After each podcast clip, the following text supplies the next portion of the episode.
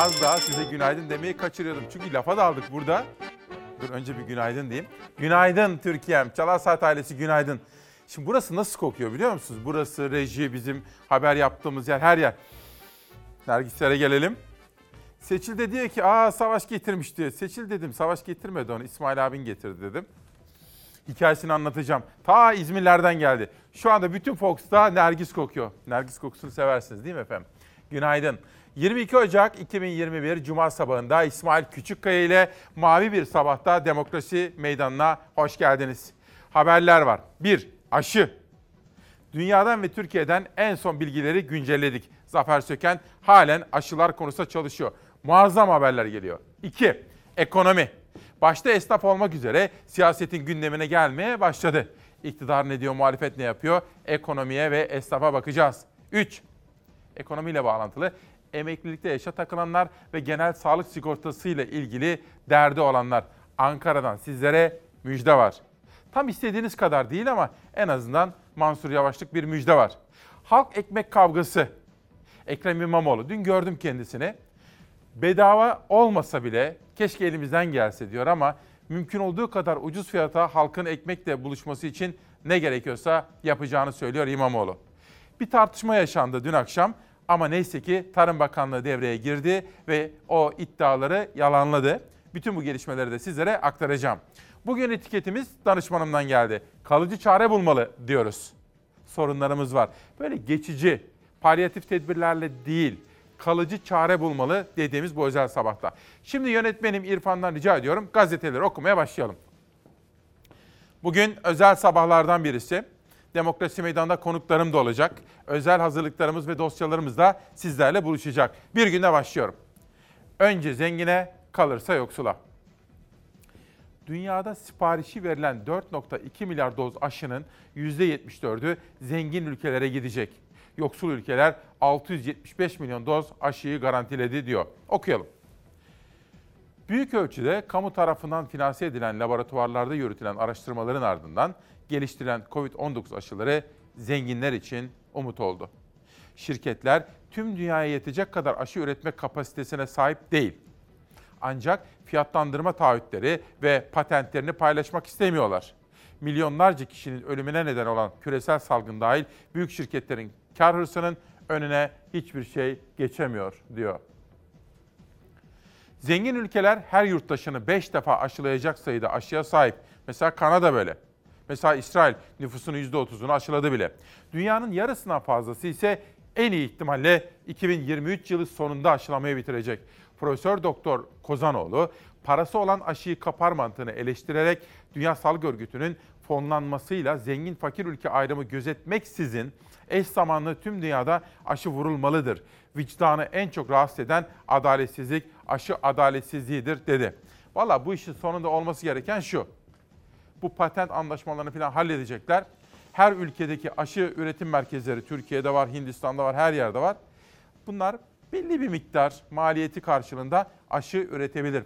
Efendim aşıda adaleti sağlamak küresel bir vicdan sorunu haline geldi. 100 yaşımda var. Pamuk dediler bilmiyorum. Benim okumuşluk yok. Mutluyum. Her kişiler aşısı olsun. Bizim çok acilen aşı ve aşılamaya ihtiyacımız var. En aşağı 40-50 milyon doz aşının hızla ülkemizde olması lazım. Uzmanlar hızla diyor çünkü eldeki aşı hızla tükeniyor. Aşılananların sayısı 1 milyon 120 bin kişiyi geçti. Dün 85 yaş üstü de evlerinde aşılanmaya başladı. Benim aklım başımda çok şükür Allah'a. Her bir aşamada aşı programına ara vermeden sürekli aşılama yapılabilecek bir plan çerçevesinde aşı lojistiği devam edecektir. İkinci doz anladığım üzere eğer 1,5 milyonla bitireceksek bu birinci evresini, ikinci dozların 28 gün sonra 1,5 milyon doz olarak hazır olması gerekiyor. Çin'den gelen 3 milyon doz aşı 1,5 milyon kişiye uygulanacak. Yani geriye 380 binden az aşı kaldı. Onunla da eczacılar, eczane çalışanları ve 85 yaş üstü aşılanıyor. Aşının bu gruba ucu ucuna yetmesi bekleniyor. 85 yaş üstülere biz aşılamaya başladık bugün itibariyle. Hocam siz de aşı oldunuz. Geçmiş Evet. olsun. Öncelikle oldu evet. Hmm, Var mı bir yan etki, bir sıkıntı? Bir grip gibi kırıklık bir ateş oldu ve onunla ilişkili kullanmam gereken iki tane ilaç vardı. Onları aldım. Kısıtlı ve kısa sürelileri var elimizde. Bizim anlamak istediğimiz şey daha çok insanda ortaya konulmuş bir etkililik ve bu etkililiğin süresi bununla ilgili de koşullar vardı ve bu yerine getirilmeden bir acil kullanım onayıyla yapıldı. Enfeksiyon hastalıkları uzmanı Profesör Doktor Esin Şenol da aşılanan doktorlar arasında. Son güne kadar bekledi öyle aşı oldu. Çünkü sırasını kaçıran tüm programın tamamlanmasını bekledikten sonra yeniden aşı hakkı kazanacak. Profesör Şenol'u düşündürense Çin aşısının faz 3 çalışmasının henüz tamamlanmamış olmasıydı. En azından sağlık çalışanlarının aşılanması faz 3 çalışması gibi düşünülsün, veriler açıklansın diyor. Bugün aşı konusunda çok farklı haberler hazırladık. Halen de yapımı devam ediyor. Dünyadaki çok farklı ülkelerdeki gelişmeleri de derleyip toparlayacağız. Demek ki bugün aşı ana gündem maddelerimizden birisi olacak. Kalıcı çare bulmalı etiketimiz. Bir selamımı izin verirseniz hastalarımıza ve hastalarımızla ilgilenenlere söylemek istiyorum. Tabii ki doktorlarımız, hemşirelerimiz, tabii ki hasta bakıcılar, tabii ki fedakar refakatçileri sevgiyle selamlıyorum. Ve bir güne geri döneceğim, Hürriyet'e geçiyorum. Hürriyet'te bugün gıda fiyatları konusunda bir manşet görüyorum. Gazetenin yayın yönetmeni Ahmet Hakan da bu meselenin büyüdüğünü, Türkiye'nin şu anda gıda fiyatları ile ilgili büyük bir sorun yaşadığını, ana gündem maddesi olduğunu ve ayrıca kapanan restoranların ne kadar zor durumda olduğunun altını çizmiş Ahmet Hakan. Neden uçtu bu gıda fiyatları? Et, ayçiçek yağı, süt ürünleri, sebze meyve fiyatları sürekli artıyor. Sektör temsilcilerine zamların nedenini ve çözüm önerilerini sorduk diyor. Şöyle bir bakalım neymiş? Dünyayı etkisi altına alan pandemi nedeniyle ülkeler stoklama yoluna gitti. Bol para politikası nedeniyle ham madde fiyatları yükseldi. Döviz kurlarındaki artış gıda fiyatlarında önemli yükselişe yol açtı. Üreticinin artan girdi maliyetleri son ürünlere zam olarak yansıdı. Piyasalarda spekülatif hareketler ve stokçuluk başladı. Peki bu zamları nasıl durduracağız? 1. Üretim konusunda çok kapsamlı plan hayata geçirilmeli. Süt ve et fiyatlarını etkileyen yemde dışa bağımlılık azaltılmalı temel gıda maddelerinde KDV oranları gözden geçirilmeli, gerekirse düşürülmeli. Spekülatif hareketlere karşı denetimler arttırılmalı, çiftçi desteklenmeli, üretime teşvik edilmeli diyor. Yani hem sorun hem de o soruna dair çözüm önerileri bizlerle birlikte olmuş. Dün özel bir yayın yapmıştık. Hem Amerika'dan Mehtap Çolak'la canlı bağlantı yapmıştık. Hem Ankara'dan Murat Yetkin bizimle buluşmuştu ve bütün gözlemlerine, bilgisine, sorgulamalarına dayanarak bizlerle Amerika'daki gelişmelerin dünyayı ve Türkiye'yi nasıl etkileyeceğini konuşmuştu. Dün itibariyle Amerika'da ve dünyada yeni bir dönem başladı. Bu dönemin adı Joe Biden dönemi. So help me God. Congratulations, Mr. President. Amerika Birleşik Devletleri'nde yeni dönem başladı. 78 yaşındaki Joe Biden yemin ederek ülkenin 46. başkanı oldu. That democracy is precious. Democracy is fragile. And at this hour, my friends, democracy has prevailed. Yemin töreni olağanüstü önlemlerin gölgesinde yapıldı. Sadece konuşmalarda değil, kıyafetlerde bile Trump dönemine göndermeler vardı. Başkan yardımcısı Kamala Harris, eski First Lady'ler Hillary Clinton, Michelle Obama mor ve mürdüm renkleri tercih etti. Demokratların mavisi ve Cumhuriyetçilerin kırmızısının karışımı iki renkle birleştiricilik mesajı verildi. Jill Biden törende eski First Lady'lerin renk geleneğini bozmadı. Mavi elbise giydi. Törende Biden destekçisi pop yıldızı Lady Gaga Amerikan Ulusal Marşı'nı seslendirdi. Jennifer Lopez şarkı söyledi. 22 yaşındaki Amanda Gorman okuduğu şiirle kongre baskınını eleştirdi. Democracy can be periodically delayed. It can never be permanently defeated. Önce ülkenin Asya kökenli ve ilk siyahi kadın başkan yardımcısı Kamala Harris, ardından da Joe Biden yemin etti. 78 yaşında ülkenin en yaşlı başkanı olan Biden halka seslendi. Ülkenin sorunlarına dikkat çekti. A rise of political extremism, white supremacy, domestic terrorism that we must confront and we will defeat. Törenin ardından Beyaz Saray'a geçen Joe Biden burada Trump'ın politikalarını tersine çeviren 17 kararnameye imza attı. Müslüman ülkelere seyahat yasağını kaldırdı. Dünya Sağlık Örgütü'ne yeniden katılma talimatı verdi. Yeni dönemle birlikte Ankara Washington hattı da hareketlenecek. İki ülkeyi beklenen en önemli sınavlardan biri S-400 krizi. Gözler Biden'ın birlikte çalışacağı A takımına çevrildi. 22 Ocak'ta işte böyle bir başlangıç yaptık. Kalıcı çare bulmalı dedik. İkinci selamımı da ben özellikle cezaevlerine göndermek istiyorum. Sıklıkla onlardan, yakınlarından selam alıyorum. Sıklıkla onlardan mektuplar da geliyor. Ben de onlara canı gönülden sevdikleriyle özgür günlerde buluşmalarını diliyorum efendim. Ve kalıcı çare bulmalı derken sizlerden gelen yorumlar benim benim pusulamsınız biliyorsunuz değil mi? Yolumu sizlere bakarak görüyorum. Gelin okuyalım. Celal Tilki, günaydın. Allah rızası için ehliyet affı diyor. İrfan Durmaz, teşekkürler. Ve Berna Biçer Basan, Dünya Sağlık Örgütü klinik veri yok ise PCR sonucunun bir anlamı yok dedi. Gerçek bilim insanları bunu zaten aylardır söylüyor dedi. Test uygulamaktan vazgeçip kliniğe dönülecek diyor. HES kodu ile ilgili bir takım rahatsızlıklarından bahsetmiş. Bak kısmete bakar mısınız ya şu kış gününde? Hani yasaktı işten çıkarmak? Kısmet Akkaya işten çıkarıldım diyor. Buradan Çalışma Bakanlığı'na bunu aktaralım. Kısmet Akkaya Rumuzlu kardeşim yasak olmasına rağmen işten çıkarılmış. Böylece bir gün Hürriyet ve sıra geldi Sözcü ve Sabah gazetelerine.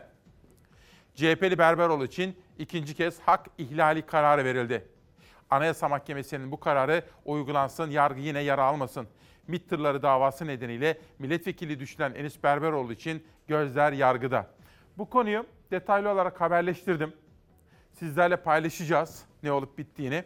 Ama şimdi siz sıradaki siyasi haberi izlerken, seçim ittifaklarını takip ederken şunu da düşünün. Anayasamız var değil mi? Anayasa hepimizin bu güzel ülkede kardeşçe, özgür ve eşit vatandaşlık temelinde yaşamasının teminatı anayasamız. Efendim ilkiyi hatırlatmak isterim. Anayasa beni de bağlar, herkesi bağlar, sizi bağlar. Anayasa, yargılar, yüksek yargı, yerel mahkemeler, çok güçlü insanlar ne olursak olalım anayasa hepimizi bağlar. 2023 seçimlerinden Cumhur İttifakı ile birlikte inşallah hem Cumhurbaşkanlığında hem mecliste zaferle çıkacağız. MHP şunu demeye çalışıyor. Beraber Evet, yol çok çıkmıştık ve bu mezara kadardı. Sen şimdi yavaş yavaş tekrar reform demeye, tekrar demokrasi demeye çabalıyorsun. Böyle bir şey yok. Benim vesayetim altındasın diyor. Cumhurbaşkanı Erdoğan yeni günde bir kez daha 2023 diyerek Cumhur İttifakı'na bağlılık mesajı verdi ama muhalefet Erdoğan'ın seçim ittifakı turları üzerinden AK Parti MHP işbirliği kalıcı değil diyor. Erdoğan kaçıyor, Bahçeli kovalıyor. Cumhurbaşkanı Erdoğan, DSP ANAP'tan sonra Saadet Partisi Yüksek İstişare Kurulu üyesi Oğuzhan Asıltürk'le bir araya geldi. O görüşme için de seçim ittifakı görüşmesi dedi.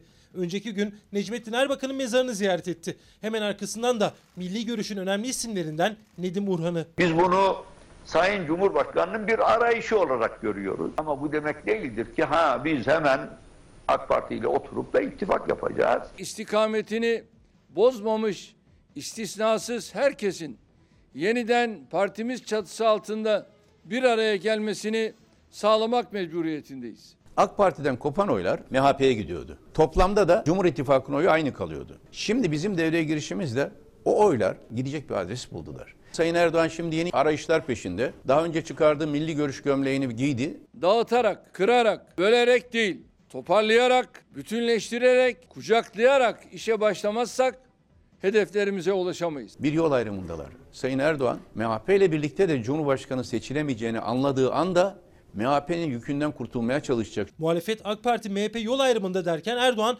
parti içine toparlanma mesajları verdi. MHP lideri Bahçeli'nin seçim barajı düşürülmeli sözleri de muhalefetin gündemindeydi. Akşener Sözcü gazetesinden Saygı Öztürk'e konuştu. Baraj konuşan iktidar yolcu demektir. Yüzde beşi biz de savunuyoruz. Ama Sayın Bahçeli kaça düşürmek istiyor? Ne yapıyor onları bilmiyorum. Sayın Bahçeli'nin seçim barajının düşme talebi de olası bir Cumhur İttifakı'nın dağılması halinde Milliyetçi Hareket Partisi'nin parlamentoya girebilmesi adına partisi için istediği bir tavizden ibarettir. Bütün Türkiye bizle ittifak yapacağız. Biz kendi adayımızı çıkaracağız. Siyaset ittifakları ve genişletme çabalarını konuşurken Türkiye Değişim Partisi lideri Mustafa Sarıgül de ittifaklarda yer almayacaklarını açıkladı. Ankara büromuza teşekkürler ediyorum ve bir selam söylüyorum efendim. Ve Emir uyanmış, Emir Doğanlar kahvaltımı yaptım İsmail abi diyor. Çocuklarımıza da bir günaydın diyelim. Kahvaltılarını yapsınlar. Ve Tamer Boz abi bu kısıtlamaları yeniden düzenlesinler. Yeni çözümler gelsin, kalıcı çare bulmalı diyor efendim. Bugün ayrıca Soma'ya gideceğiz. Somalı madencilerin hak arama mücadelesine destek verdik. Vermeyi sürdüreceğiz. Somalı madencilerle birlikte sevineceğiz bu sabah. Ve Sözcü'den sabaha geçiyorum. Bugün sabahtan iki ayrı haber okuyacağım sizlere. Önce birisi Erdoğan'dan. Siz kimin militanısınız diye soruyor. Başkan Erdoğan CHP'li yöneticilere sordu. Bu milletin hakimine, askerine, polisine, öğretmenine laf edenler, bölücü örgütün siyasi uzantıları ile kol kola yürüyenler, siz kimin ve neyin militanısınız diyor. Erdoğan gibi bu sözler yine Erdoğan'a ait. Türk Gün gazetesinde de tıpkı sabahta olduğu gibi manşette efendim. Sabahın ikinci haberini okuyacağım sonra Cumhuriyet'e geçeceğim ama şimdi yönetmenimden rica ediyorum bunları şimdilik bir kaldıralım ve dünyanın manşetlerine bakalım. Dünyada da aşılama bir manşet. İki, Joe Biden döneminde neler yaşanacak dünya. İşte aşılama Liberasyon gazetesinin kapağında.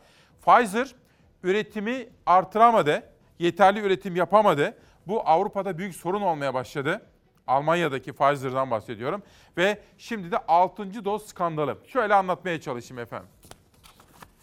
Bu şişelerde normalde kaliteli, uygun iğne olursa 6 kişiye yetecek kadar aşı var. Ama o bildiğimiz lalettayn iğnelerden olursa 5 kişiye ancak yetiyormuş. Ve bunu bir skandal olarak tanımlıyor Pfizer. Zaten üretim yetmiyor. Arz talep dengesi bozulmuş. Bir de böylesine bir skandaldan bahsediyor Liberasyon gazetesi. Arkadaşlarım şu anda bunu haberleştiriyor. Yayına hazır olduğu anda sizlerle bunu konuşacağım. Ve şimdi Almanya'ya geçelim. The Welt gazetesinde fotoğrafa dikkatlerinizi çekmek isterim. Fotoğrafta Joe Biden, hemen yan tarafta da ailesini görüyorsunuz ve başlangıçtan bahsediyor. Başlangıçta her şey ve Biden'ın ilk günü. Fotoğrafın altına doğru inelim. Merkel yazısını bir görelim.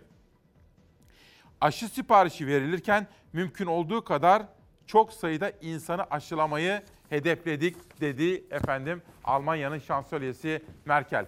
Ve dünyadaki gelişmelere de yakından bakalım. Dünyadaki korona ve aşıya dair meydana gelen gelişmeleri de Beyza Gözeyik haberleştirdi sizler için. Almanya'da kısıtlamaların 14 Şubat'a kadar uzaması ekonomik kaygıları beraberinde getirdi. Alman Ekonomi Araştırma Enstitüsü ilk çeyrekte ekonominin durgunlaşacağını açıkladı. Hollanda'da günlük vakalar 5000'i geçince salgının başından bu yana alınan en sert tedbirler uygulamaya sokuldu. Koronavirüs tüm dünyayı etkisi altına almaya devam ederken virüsle temas 100 milyona doğru tırmanıyor. Yeni mutasyonla artan bulaşma hızı İngiltere'yi zora sokmaya devam ediyor. Ülkede can kayıpları binin altına düşmedi. İngiltere'de sağlık sistemi zorda. Londra'da bir hastanenin sağlık çalışanları yoğun bakımlarda yaşananları savaş bölgesinde çalışmaya benzetti. Yeni mutasyonun ağır hasta sayısını da çok yükselttiğini, şu an İngiltere'de 39 binden fazla insanın hastanede tedavi edildiğini ifade ettiler. Almanya'da da İngiltere'de görülen mutasyonun etkisi kendini gösterdi. Vaka ve can kayıpları hiç olmadığı kadar arttı. Ölümler binin üstüne çıkınca sağlık sistemi de baskı altına girince Başbakan Merkel kısıtlamaların 14 Şubat'a kadar uzatıldığını açıkladı. Ticari işletmelerin kapalı olduğu ülkede Ekonomi Araştırma Enstitüsü ilk çeyrekte ekonomi durgunlaşacak açıklamasında bulundu. Salgının başında sıkı tedbirler almayan Hollanda'da en sert karantina uygulaması devreye sokuldu. Vaka sayıları 5000'in üzerine çıkınca karantina süresi uzatıldı. Ülkede akşam 21'den sabah 4.30'a kadar sokağa çıkmak yasaklandı. Hükümet yeni mutasyonu en çok gençler bulaştırıyor diyerek belirlenen saatlerde sokağa çıkma uygulamasının vaka sayısını düşüreceğini inandıklarını açıkladı. Lübnan'da da 14 Ocak'ta başlayan sokağa çıkma yasağı 8 Şubat'a uzatıldı. Evlerde toplanmanın yasak olduğu ülkede ticari işletmeler kapatıldı. Sağlık yetkilileri vaka sayısındaki artışla sağlık sisteminin çökme noktasına geldiğini açıkladı. Osman Bey kardeşim diyor ki EYT'lilerin sorunlarına kalıcı çare bulmalı. Kalıcı değil ama en azından Mansur Yavaş bu konuda bir adım attı. GSS yani Genel Sağlık Sigortası ve EYT konusunda primlerini ödeyeceğim Ankaralıların dedi. Yani ödeyemeyenlerin zor durumda olanlara yardımcı olacak. Uyananlara bakalım. Her sabah 8'den 11'e kadar bizimle olan Fatma Kandemir ve Ebru Gümüşkan uyanmış. Memleketime iyi dilekler sunuyor. Boğaçsay artık hayvan hakları yasası bir an evvel çıkmalı dedi. Gerçekten de çok geç kaldık ama hükümetten bu konuda açıklamalar geldi. Önümüzdeki haftalarda bu konu çözüme kavuşacak. Kalıcı çare bulmalı diyorum ve en son sabahın ikinci manşetinde kalmıştım. Sonra Pencere gazetesine geçecektim. Bir gündeki aşı manşetini okudum. Hürriyet'teki gıda fiyatlarını okudum. Sözcü'deki Enis Berberoğlu meselesine değindim ve Sabah gazetesinde Erdoğan'ın manşetini vermiştim. Bir manşet daha geliyor sabahtan. Afrika hatıralarını kitaplaştıracak First Lady Emin Erdoğan'la ilgili bir haber okuyorum sabahtan.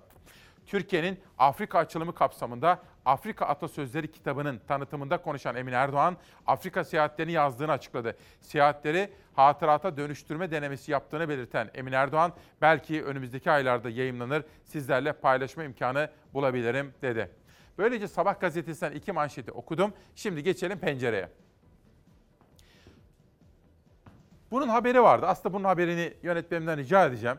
Dün akşam ana haberimizde Selçuk Tepeli bunu sundu. Üzerinde de güzel konuştu. Şimdi biz böyle sabahın bu zihin açıklığı içinde bir kere daha konuşalım şu meseleyi. Çünkü inanılmaz bir tartışma. Enis Berberoğlu'nu da alabilirsiniz, Soylu haberini de alabilirsiniz. İkisi de hazır. Peki Soylu'yu alalım önce. Hükümetteki tutuklama polemiğine hukukçu yorumu. Tutuklama değil, adalet isteyin. İçişleri ve Adalet Bakanları arasındaki tutuklama polemiğine hukuk profesörü Adem Sözer yorum getirdi. Asıl olan tutuklama değil, adaletin yerini bulmasıdır. Türk Ceza Yasası'nın mimarlarından Profesör Adem Sözer, sosyal medyadan gelen tutuklama çağrılarının hukuk devletine zarar verdiğini söyledi. Profesör Sözer'e göre asıl olan önce etkin soruşturma yapmak, sonra adil yargılamak ve suç varsa caydırıcı biçimde uygulamaktır. Hukuk devleti tutuklamadan medet umamaz dedi. Tutuklamanın adaleti sağlayacağına ilişkin yanlış düşünceden vazgeçip adil yargılama talebinin öne çıkarılması çağrısında bulundu. Efendim dün Adalet Bakanı da hukukun genel ilkelerini mesela hakim teminatı, hakimlere talimat verilemez, hakimler baskı altına alınamaz, hakimlere aracı gönderilemez, mesaj gönderilemez gibi evrensel kuralları hatırlatmak zorunda kaldı Adalet Bakanı. Biz de hukukun evrensel kurallarının geçerli olmasını istiyoruz. Tutuklama istisnaidir efendim. En son başvurulacak yoldur. Asıl olan adaletin tecelli etmesidir. Hakimi yerine bazen sosyal medya mahkemesi kuruluyor hatta infaz bile ediliyor. 45 gündür anam hastanede. Annemle fotomun altına küfreden alçak mahkemeye çıkıyor ve adli kontrolle serbest. Ne yapmalıyım? Bakan olsam ne yazar? Yargı kimsenin sıfatına bakmaz kanun önünde herkes eşittir. İster yürütmede ister yargıda görev üstlenmiş olalım hepimiz yasa tenfiz memurlarıyız. Adalet ve güvenlikten sorumlu iki bakan Abdülhamit Gül ve Süleyman Soylu karşı karşıya. Gül yürütme vurgusuyla direkt İçişleri Bakanı'nı işaret etti. Tutuklama siparişi ifadesini kullanarak yargı kararına saygı duyun dedi. Klavye başına geçip her gün sosyal medyada bana tutuklama siparişi ya da tahliye siparişi verenlere sesleniyorum. Türkiye Cumhuriyeti bir hukuk devletidir. Burada kanunlar işler, kurallar işler, usuller işler, işlemeye de devam eder. AK Partili bir milletvekili Süleyman Soylu'nun annesiyle birlikte olan fotoğrafını paylaştı sosyal medya hesabından. Soylu'nun annesi tedavi altında. O fotoğrafın altına hakaret içerikli mesaj yazan bir kişi gözaltına alındı. Adli kontrolle serbest kaldı. O karar kabine içinde iki bakan arasında gerilim yarattı. İki yıla kadar hapis cezası gerektiren bir suçta tutuklamanın yasak olduğunu hepimiz biliyoruz. Hakaret suçu da bu yasak kapsamındadır.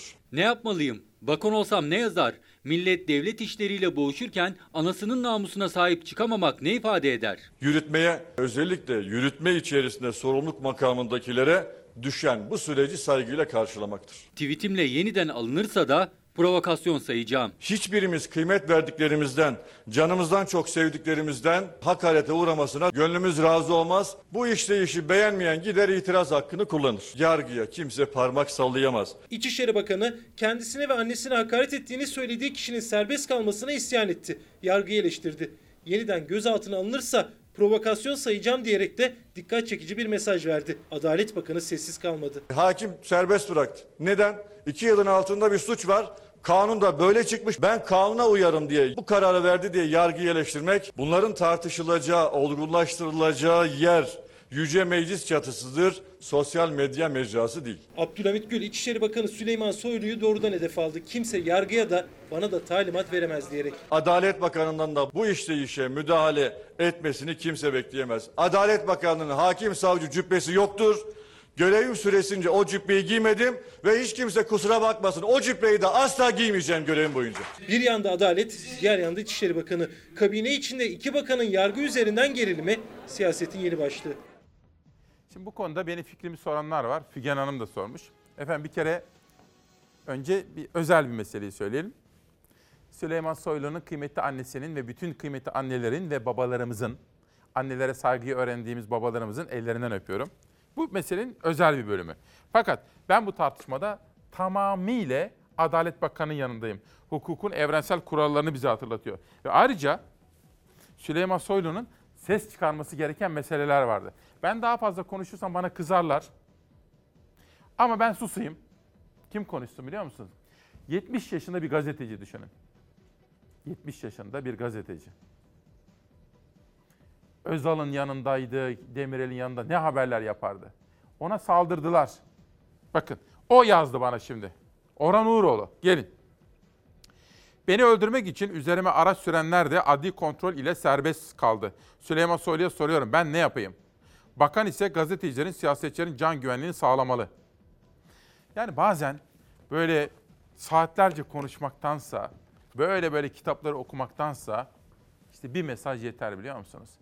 Kendisi de daha geçen hafta saldırıya uğramış 70 yaşındaki duayen bir gazetecinin yaşadıkları ve gündeme dair gönderdiği mesaj. Cumhuriyete geldim. Bakan Soylu'ya parmak ayarı, AKP'de ve bakanlar arasında tutuklama siparişi tartışması. İçişleri Bakanı Soylu, annesine küfreden şüphelinin mahkemece serbest bırakılmasına sosyal medyadan tepki gösterdi. Adalet Bakanı Gül, kanunlara dikkat çekerek klavye başına geçip sosyal medyada bana tutuklama siparişi verenlere sesleniyorum. Kimse yargıya parmak sallayamaz. Soylu'nun şikayeti AKP içerisinde de tartışma yaratırken Kılıçdaroğlu yargıya müdahaleleri biliyoruz ama bu Türkiye'nin yönetilemediğinin göstergesi yorumunu yaptı. Meral Akşener ise bize sövgü olduğunda köst dinledi. Canı yanmış, saygı duyuyorum. Bizim kulübe hoş gelmiş dedi efendim. Yani Meral Akşener dedi ki benim evimin önünde bana saldırdılar. Kılıçdaroğlu Çubuk'ta adeta linç ediliyordu. Allah korudu biliyor musunuz? Oradaki o polislere teşekkür etmemiz gerekiyor. Allah korudu.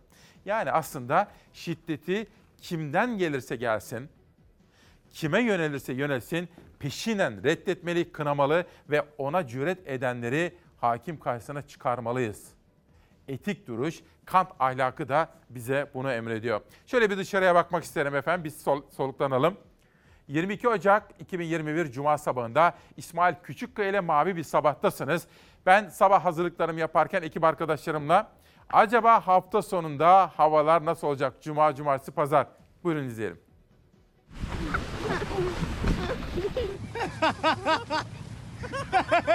Buzlanma yurt genelinde mağdur ediyor. Araç kazalarının yanında yaya kazalarına da sebep oluyor. Bugün buzlanma ve don etkisi tüm yurtta devam edecek. Sivas'ta Kızılırmak Nehri'nin bir kısmı tamamen buza kesti. Nehrin yüzeyi buz ve karla kaplandı. Kızılırmak'ın tarihi Kesik Köprü ve Karşıyaka mevkisinde bazı kısımlar buz tuttu. Sivas'ta termometreler gece saatlerinde eksi 15, gün içinde ise eksi 10 derece civarında seyrediyor. Erzurum'da da durum farklı değil. Şehrin her yeri kar ve buzla kaplı. Erzurum'da gece sıcaklıkları eksi 20 derecenin de altına düşüyor yer yer. Gün içinde en yüksek eksi 10 derece civarında ölçüm yapıyor termometreler. Kars da buzdan şehre döndü. Buz sarkıtlarının boyu 1 metreye yaklaştı. Geceden sabaha buz tutan araçlar sabah saatlerinde çalışmıyor. Hava soğuk, araçlar çalışmıyor. Biz de böyle uğraşıyoruz. Buzlanma sadece iç ve doğu kesimlerde değil batıda da etkili. Kucağında çocuğuyla kayıp düşen adam Bursa'da takıldı güvenlik kamerasına. Kahraman baba Enes Alkani yere düştü ama kucağındaki çocuğu yere hiç temas ettirmedi.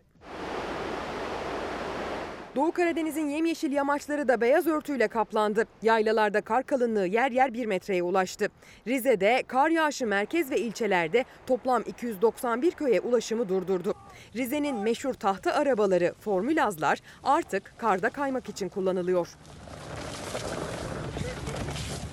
En çok kar yağan doğu illerindense çatı çökmesi haberleri geliyor. Bingöl'de bir düğün salonunun çatısı çöktü. Van'da ise bir fabrikanın çatısı. Maddi hasar büyük ancak neyse ki kimse yaralanmadı. Çaldıran'da 2-3 gündür çok neden, kar nedeniyle çok fırtına oldu. Çatımız dayanmadı. Fabrika komple çöktü. Hakkari'nin Şemdinli ilçesinde ise kar o kadar çok yağdı ki elektrik direkleri dahi devrildi. Bugün Somalı madencilerin hak arama mücadelesinde aldıkları müjdeli haberi de paylaşacağız. Ayrıca Kamer Genç FETÖ konusunda bizi uyardı devletimizi, hepimizi, siyasileri. Kamer Genci güzel bir insandı, yurtsever bir insandı. Kendine özgü bir kişilikti. Ölüm yıl döneminde rahmet ve saygıyla anıyorum. Esnaflardan bahsetmeyi sürdüreceğim. Bakalım.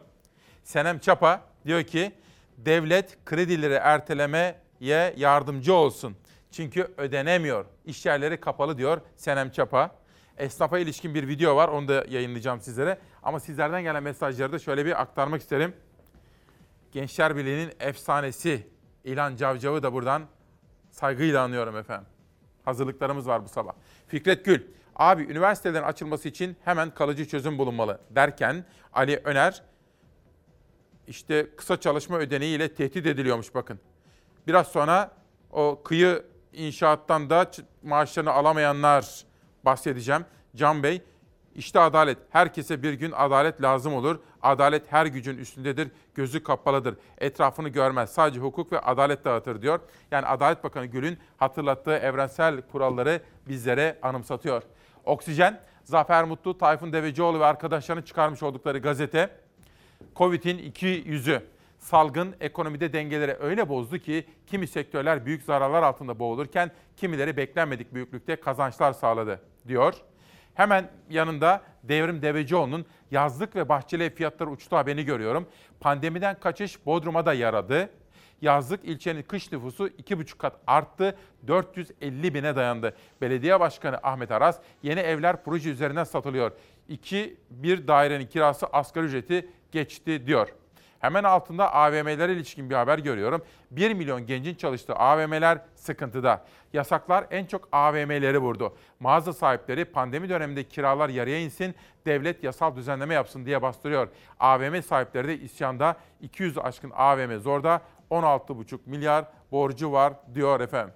Bugün pencerede ayrıca Bekir Ağırdar'ın milliyetçi oylar nereye gidiyor şeklinde bir haber analizini de gördüm. Ayrıca uzun zamandır rahatsız olan Türkiye'nin en iyi mizah yazarı Selahattin Duman'ın da bugün bir yazısı var. O yazıdan da size küçücük bir paragraf okuyacağım efendim. Ve esnafa ilişkin sorunlar CHP'nin ve Kılıçdaroğlu'nun da gündeminde. Esnaf esnaflığı sırtında taşıyor şu anda. Belki birkaç gün sonra işletme iş yapmaz ise dükkanı komple kapatacağız. 2 ay mı, 3 ay mı, 4 ay mı, 5 ay mı artık onu da bilemiyoruz. Evimize ekmek alma para bile bulamıyoruz şu anda. Zor durumdayız. İki buçuk, üç aydan beri siftah yapmıyoruz. Zaten normalde de dükkanımız kapalıydı. Şöyle söyleyeyim belki birkaç gün sonra biz de kilitleyeceğiz. Ya, ya hep... Masrafların. Hani zor karşılıyoruz hani. Hani giderimiz çok, gelirimiz hiç yok. Nasıl yapacağız? Vergimizi nasıl ödeyeceğiz? Dediler elektriği kesme yok. Recep Tayyip Erdoğan kendisi dedi. O da yok. 26 kişimiz var fakat bunu yarın 9 kişiye düşüreceğiz. Son çırpınışlarımız. Şurada 50-60 tane paket ne iş dönüyor mu dönmüyor. Bu ayın sonunda, bu ayın sonunda sonra da kapatırız. Vaziyet onu gösteriyor. Bizi yalnız başımıza bıraktılar. Esnaf gerçekten korunmak isteniyorsa onun beklentilerini, onun sorunlarını dinlemek zorundayız. Stopaj vergisi var. Kalkması lazım. Beklentilerine cevap vermek zorundayız. Esnaf Bakanlığı. Esnaf Bakanlığı olacak ki esnafın doğrudan doğruya muhatap olduğu, derdini anlatabileceği, çözmediği zaman da şikayet edebileceği bir makam olsun. Esnafın meseleleri böyle. Gökhan Görer kısa çalışma ödeneğine bir yıl daha uzatılsın diye bir öneride bulunmuş efendim. Bakın ben buradan hükümetimizi hükümetimizin dikkatini çekmek istiyorum. Çalışma Bakanı başta olmak üzere bu karda kışta, bu pandemi koşullarında işten insan çıkarılamaz. Bakın lütfen bu konuyla ilgilensinler. Oda TV'den okuyorum. İnşaat sen üyesi işçiler 2 yıldır alamadıkları maaşları için bugün Çağlayan Adliyesi'ne giderek Kayı Holding'i patronu Coşkun Yılmaz hakkında suç duyurusunda bulundu. Lütfen devreye giriniz. Çalışanın hakkı ödensin. Bakın suçtur. Yazıktır. Günahtır. Kul hakkına girer ve çalışma ahlakını bozar, çalışma düzenini bozar. Bu konulara böyle görmezden gelerek seyirci kalamayız diyor. Oksijenden Türkiye'ye geçiyorum. İki haber seçtim. Korona hasarı beyinde kalıcı. Çok çarpıcı bir haber. Moralinizi bozmak istemem. Mesela benim de moralim bozulsun istemem. Çünkü ben de koronayı atlattım. Acaba beynimde kalıcı bir hasar var mı? Şimdi aklıma geldi bir soru. Mahmut Özay araştırmış Türkiye gazetesinden. Hafif atlattım diyen yanılıyor olabilir. Korona olup iyileşenleri gizli bir tehlike bekliyor. Virüs gençlerin bile beyne giden sinirleri tahrip ediliyor, denge problemi yaşıyor, ayakta durmak imkansızlaşabiliyor demiş efendim. Medipol'den kimle konuşmuşlar? Profesör Doktor Yıldırım Ahmet Bayazıt'ın bir manşeti var burada. Ve peki bir de İhlas Holding'in patronu dün külliyeye gitmiş. Erdoğan'la görüşmüş. Bakalım.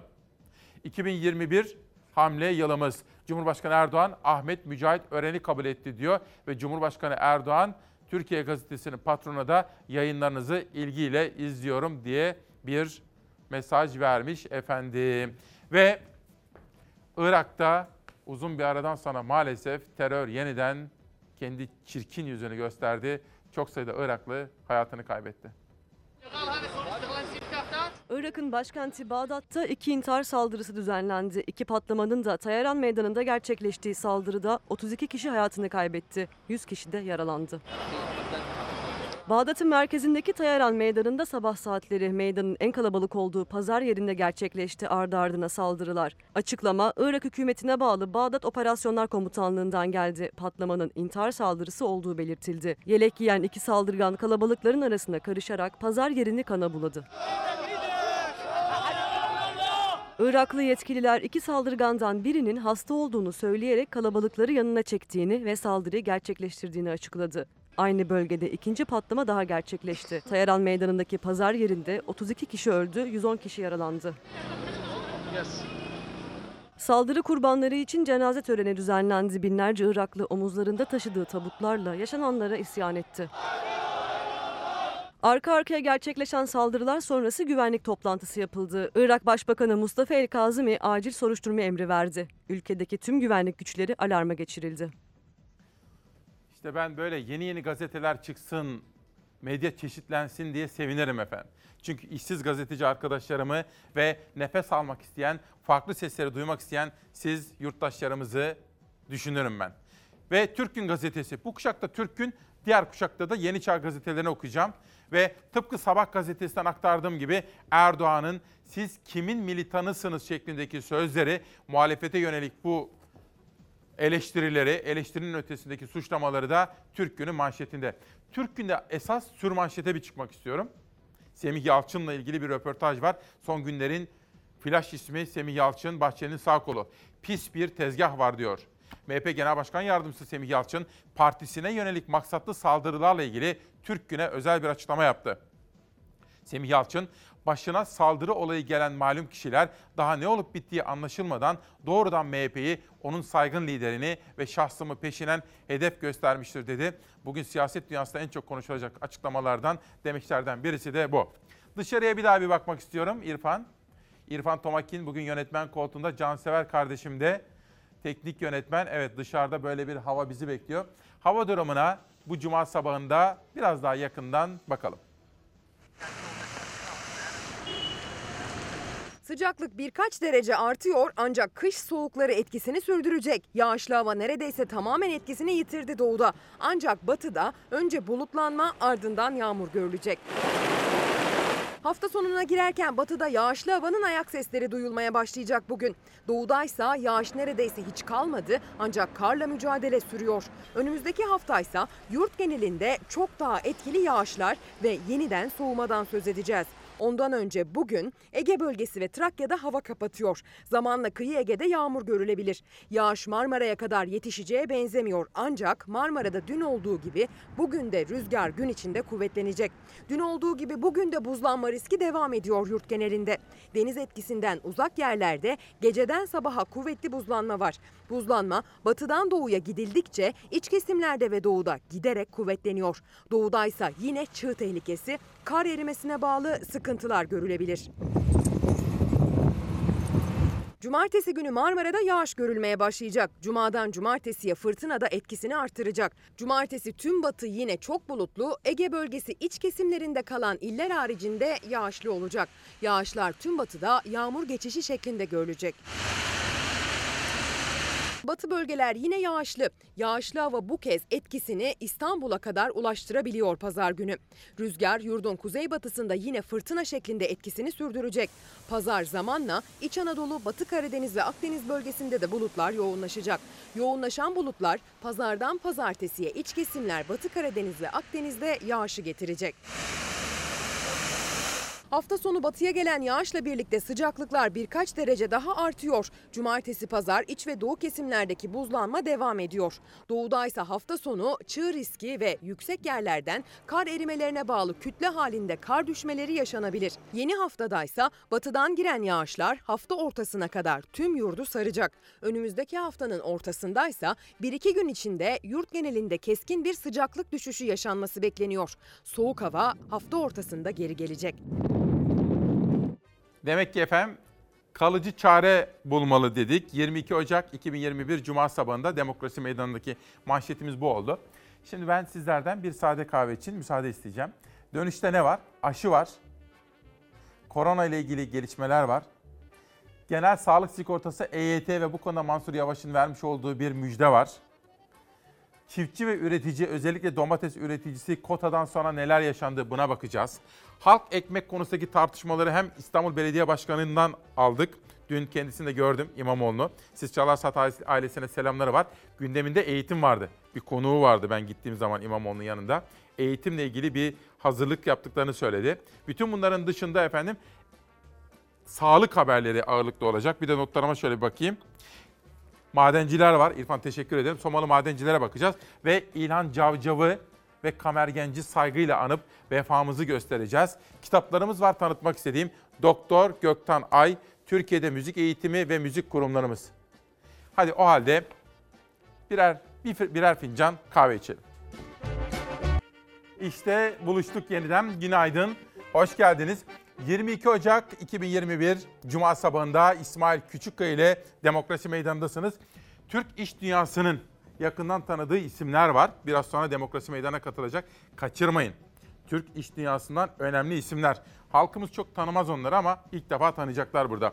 Ve mesajlar. Fatma Hanım, Esnaf 4 yıldır yaşadığı ekonomik savaşta intiharın eşiğine geldi. Artık erteleme değil kesin çözüm istiyoruz. Çeke hapis cezası kalksın. Ali Kadir Ülker de Osman Kuyumcu da esnafın bu sesini duymaya ve duyurmaya çalışmışlar.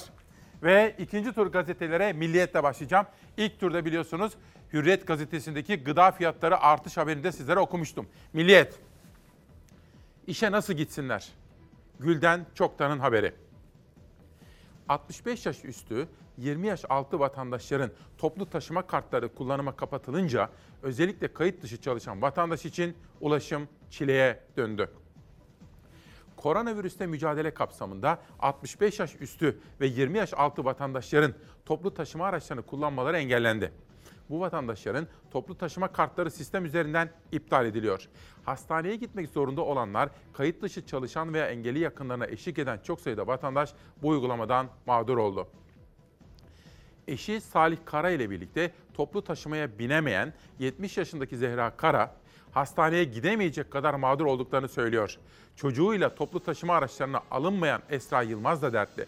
O zaman herkese özel araç tahsis edilsin diyor. En çok etkilenen gruplardan biri 20 yaş altı çırak çalıştıran berberler. Burayı bir daha okuyorum. Bu kısıtlamalardan, yasaklamalardan en çok etkilenen gruplardan biri 20 yaş altında çırak çalıştıran berberler, berber dükkanları. 65 yaş üstü ev işçileri de çözüm istiyor diyor. Zaten efendim biz bu pandemide baştan itibaren en fazla kime sorun çıkardık? 65 yaş üstündekiler. Oysa onlar aslında yani 65 yaşın üzerindeki kıdemli, ömürlerinin en güzel bağrındaki yurttaşlarımız, büyüklerimiz aslında en duyarlı, en dikkatli kesim. Ama gel gör ki biz en çok onları evlere tıktık. Bir yandan aşılama sürerken diğer yandan virüs yayılmaya devam ediyor. Vaka sayıları 6000 seviyelerinde seyrediyor. Can kayıpları azalsa da günlük 150'nin altına henüz düşmedi. Koronavirüsle mücadelede 21 Ocak tablosunu yayınladı Sağlık Bakanlığı. Tabloya göre dün 165.109 kişiye test yapıldı. 6.289 kişinin test sonucu pozitif çıktı. Can kaybı bir önceki gün yani 20 Ocak'ta 159'du. 21 Ocak'ta ise 153 kişi daha koronavirüs nedeniyle hayatını kaybetti. Toplam can kaybı 24.640'a yükseldi. Koronavirüs tablosu da aşılamanın önemini gösteriyor. Ancak aşıyla vakaların ve can kayıplarının önüne geçmek mümkün olabilir.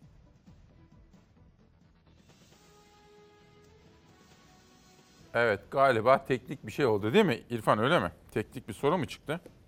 Erken bitti. Peki şimdi Ankara'dan Nezir abimiz, aa Nezir abi mesaj atmış. Vefalıdır. Nezir Önal, spor muhabiri. Sevgili İsmail kardeşim günaydın. Türkiye futbol tarihine damgasını vuran tüm yöneticilerin örnek aldığı ve alması gerektiği bir futbol dehasını layıkıyla anmak hepimizin görevi. Bu nedenle seni yürekten kutluyorum. Bir kulüp nasıl yönetilir öğretisinin örnek alınması dileğiyle İlhan Cavcav abimi saygıyla anıyorum.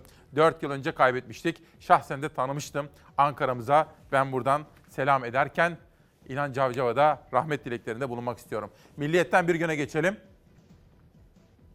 Önce zengine kalırsa yoksula. Dünyada siparişi verilen 4.2 milyar doz aşının %74'ü zengin ülkelere gidecek. Yoksul ülkeler 675 milyon doz aşıyı garantiledi. Yani aslında efendim şu, adaletsizlik var ya adaletsizlik her yerde geçerli. Küresel sistem bu aşı adaletsizliğine çare bulmalı. Şöyle düşünün, dünyada 4 ya da 5 aşı var. Daha da devam eden çalışmaları koronaya karşı en az 10-15 aşı daha var. Küresel sistem şunu yapabilir. Patent anlaşmalarını bu küresel salgına özgü bir şekilde revize edebilir. Yine herkes yaptığı harcamaların, yatırımların karşılığını bir şekilde alabilir. Ama mesela Türkiye diyeceksin ki işte Türkiye'de kim var? Nezih Barut var. Firmasının adını vermeyeyim ha. Ama böyle bir sürü işte Bülent Bey var, Bülent Eczacıbaşı var. Böyle bu aşıları, ilaçları üretecek tesisler var. Türkiye'de değil. Hindistan'da da var, Türkiye'de var, Yunan her yerde var. Bu küresel şirketlerle özel anlaşmalar devletlerin de desteğiyle yapılabilir ve buralarda üretebiliriz. Mesela şöyle yapacak. Almanya'daki Türkler Uğur Bey mesela gönderecek bize burada Abdi İbrahim'e mesela. Diyecek ki alın bunu üretin diyecek. Üretim kapasitesi var. Yoksa biz bu salgından uzun süre çıkamayız.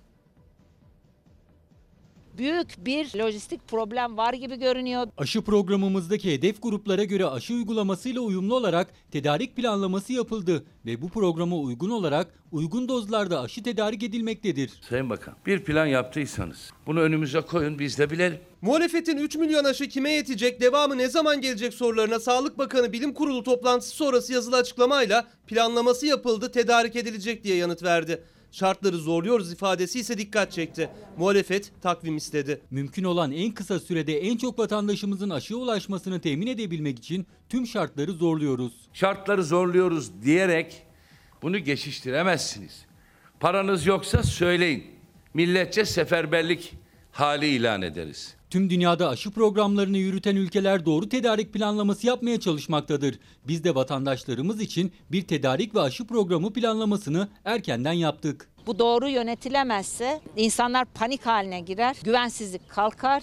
O da hiç iyi olmaz. 65 yaşına öncelikle yapılması gereken aşıyı alıp kendisi yaptıranlar AK Parti MKYK üyeleri ve bir takım rektörler.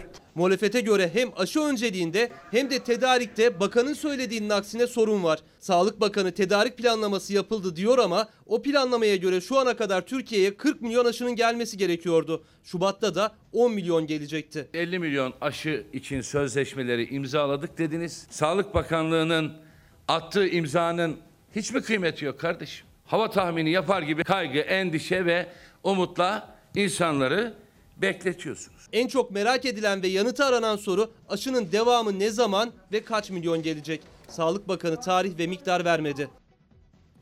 Ve bu genel sağlık sigortası sistemi ödeyemeyenler, EYT'liler bu konularda sizlere bir haber vereceğim. Ama önce bir günden hürriyete geçelim. Bir manşet gelsin. Neden uçtu bu gıda fiyatları? İlk kuşakta da detaylı olarak okumuştum. Şimdi sadece şu çözüme odaklanmak istiyorum. Çünkü fiyatların çok arttığı malum. Şuraya bakarsak fiyat artışlarını gıda özelinde kontrol edebilir miyiz? Bakalım.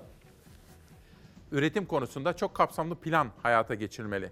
Süt ve et fiyatlarını etkileyen yemde dışa bağımlılık azaltılmalı. Temel gıda maddelerinde KDV oranları gözden geçirilmeli, gerekirse KDV oranları düşürülmeli. Spekülatif hareketlere karşı denetimler artırılmalı, çiftçi desteklenmeli, üretime teşvik edilmeli. Bu sabahki buluşmamız içerisinde sizlere detaylı olarak üreticiden mesela domates üreticisinden de haberler hazırladık. Onları da sizlere sunacağım. Ankara'dan GSS ve EYT konusunda güzel bir haber geldi. Benim aşağı yukarı 3500 TL borcum var. Ödeyemedim. Borcum görünüyor.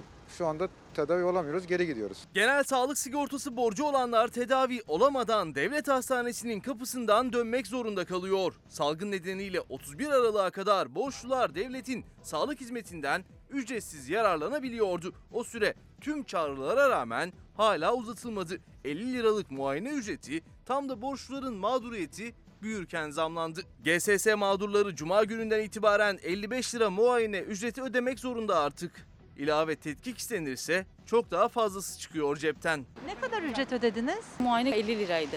Doğum yaptım iki ay önce. Onun parası vardı yanımda. Babam için geldik hastaneye. Tedavi olabildi mi babanız? Girebildi mi?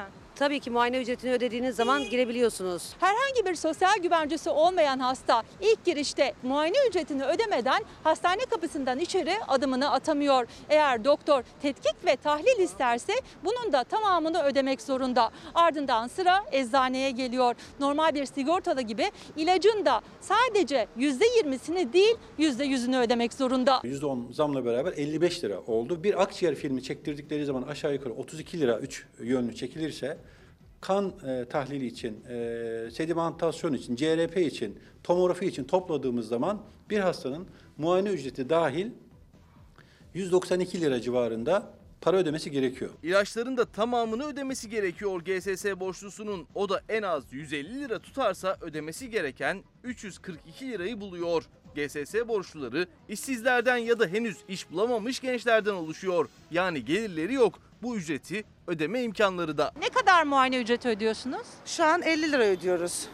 Diğer tetkik ve tahlil isterse ne kadar ödüyorsunuz? Onlar 150-200 civarı oluyor. Toplam devlet hastanesinden de 300-350 civarı çıkıyoruz. Hani röntgen, ultrason falan onlar hariç. Herhangi bir sigortası olmayanların aylık 107 lira 32 kuruş prim ödemesi gerekiyor. Yoksa bu yüksek bedellerle karşı karşıya kalıyorlar. 6 milyona yakın kişi borçlarının ya silinmesini ya da en azından devlet hastanelerinde ücretsiz tedavi olabilmeyi istiyor. En azından böyle kriz dönemlerinde devletin bu faturaları ödemesi, vatandaşa ödetmemesi gerekir. 6-7 aydır işsizim hemen hemen. Sigorta prim borcunu ödeme imkanınız var mı? Nerede hanımefendi ya? Nerede?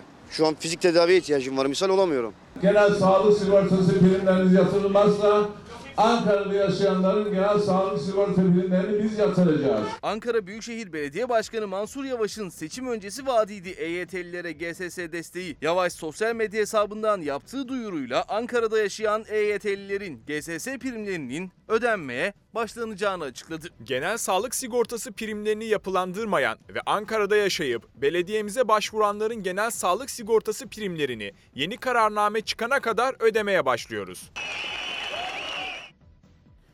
Ne diyorsunuz Mansur Yavaş için? Bakın gönülden bir teşekkür gelmiş. Dernek başkanıdır Gönül Boran.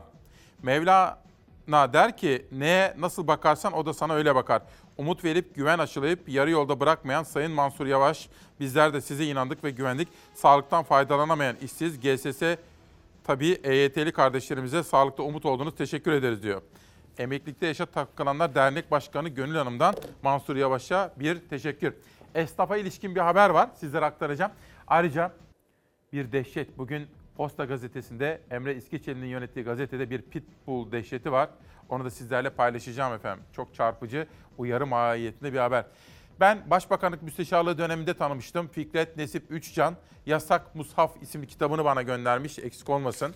Daha evvel bir kitabını da tanıttığımda bundan sonra ne var diye sormuştum Sayın Müsteşarıma. O da bu kitabın işaretini bana vermişti, imzalamış, yollamış. Müsteşarım Fikret Üçcan'a teşekkür ediyorum. Hürriyetten Cumhuriyet'e geçelim. İki çocuktan biri aç. Mustafa Çakır'ın haberi. Halk bir yılda 1500 dolar yoksullaştı. Kadın ve çocukların durumu daha vahim.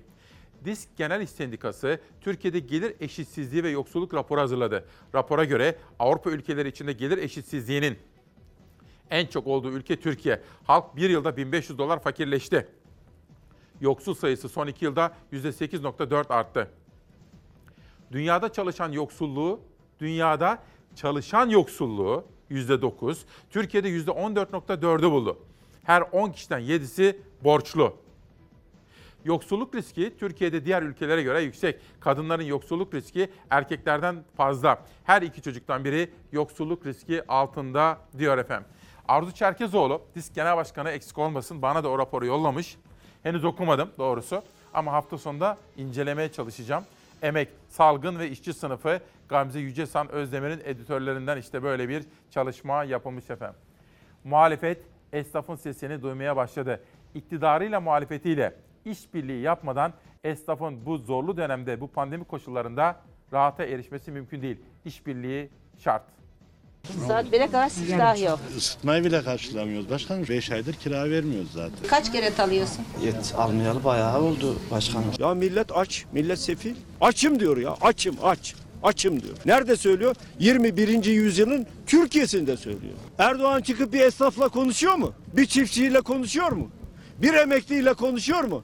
Üniversiteyi bitirmiş bir işsizle konuşuyor mu? Derdini soruyor mu? Şu anda patateslerimiz çürüme noktasında. Ben emekliyim, ben çiftçiyim, ben aile babasıyım. Her çiftçi arkadaşlar mağdur. Ama herkes korkudan dile getiremiyor. İl il, ilçe ilçe gezen İyi Parti lideri Meral Akşener bu kez Ankara'da Kahraman Kazan ve Kızılcahamam'daydı. CHP lideri Kemal Kılıçdaroğlu ise Kırşehir'de dinledi vatandaşı. Cumhurbaşkanı ise devlet sıkıntıya düşen vatandaşın yanında dedi. Elektrikten bir şikayet var aklınız durur. 110 lira geldi başkanım bu ay 170 lira geliyordu. %150 girdilerimize zam geldi.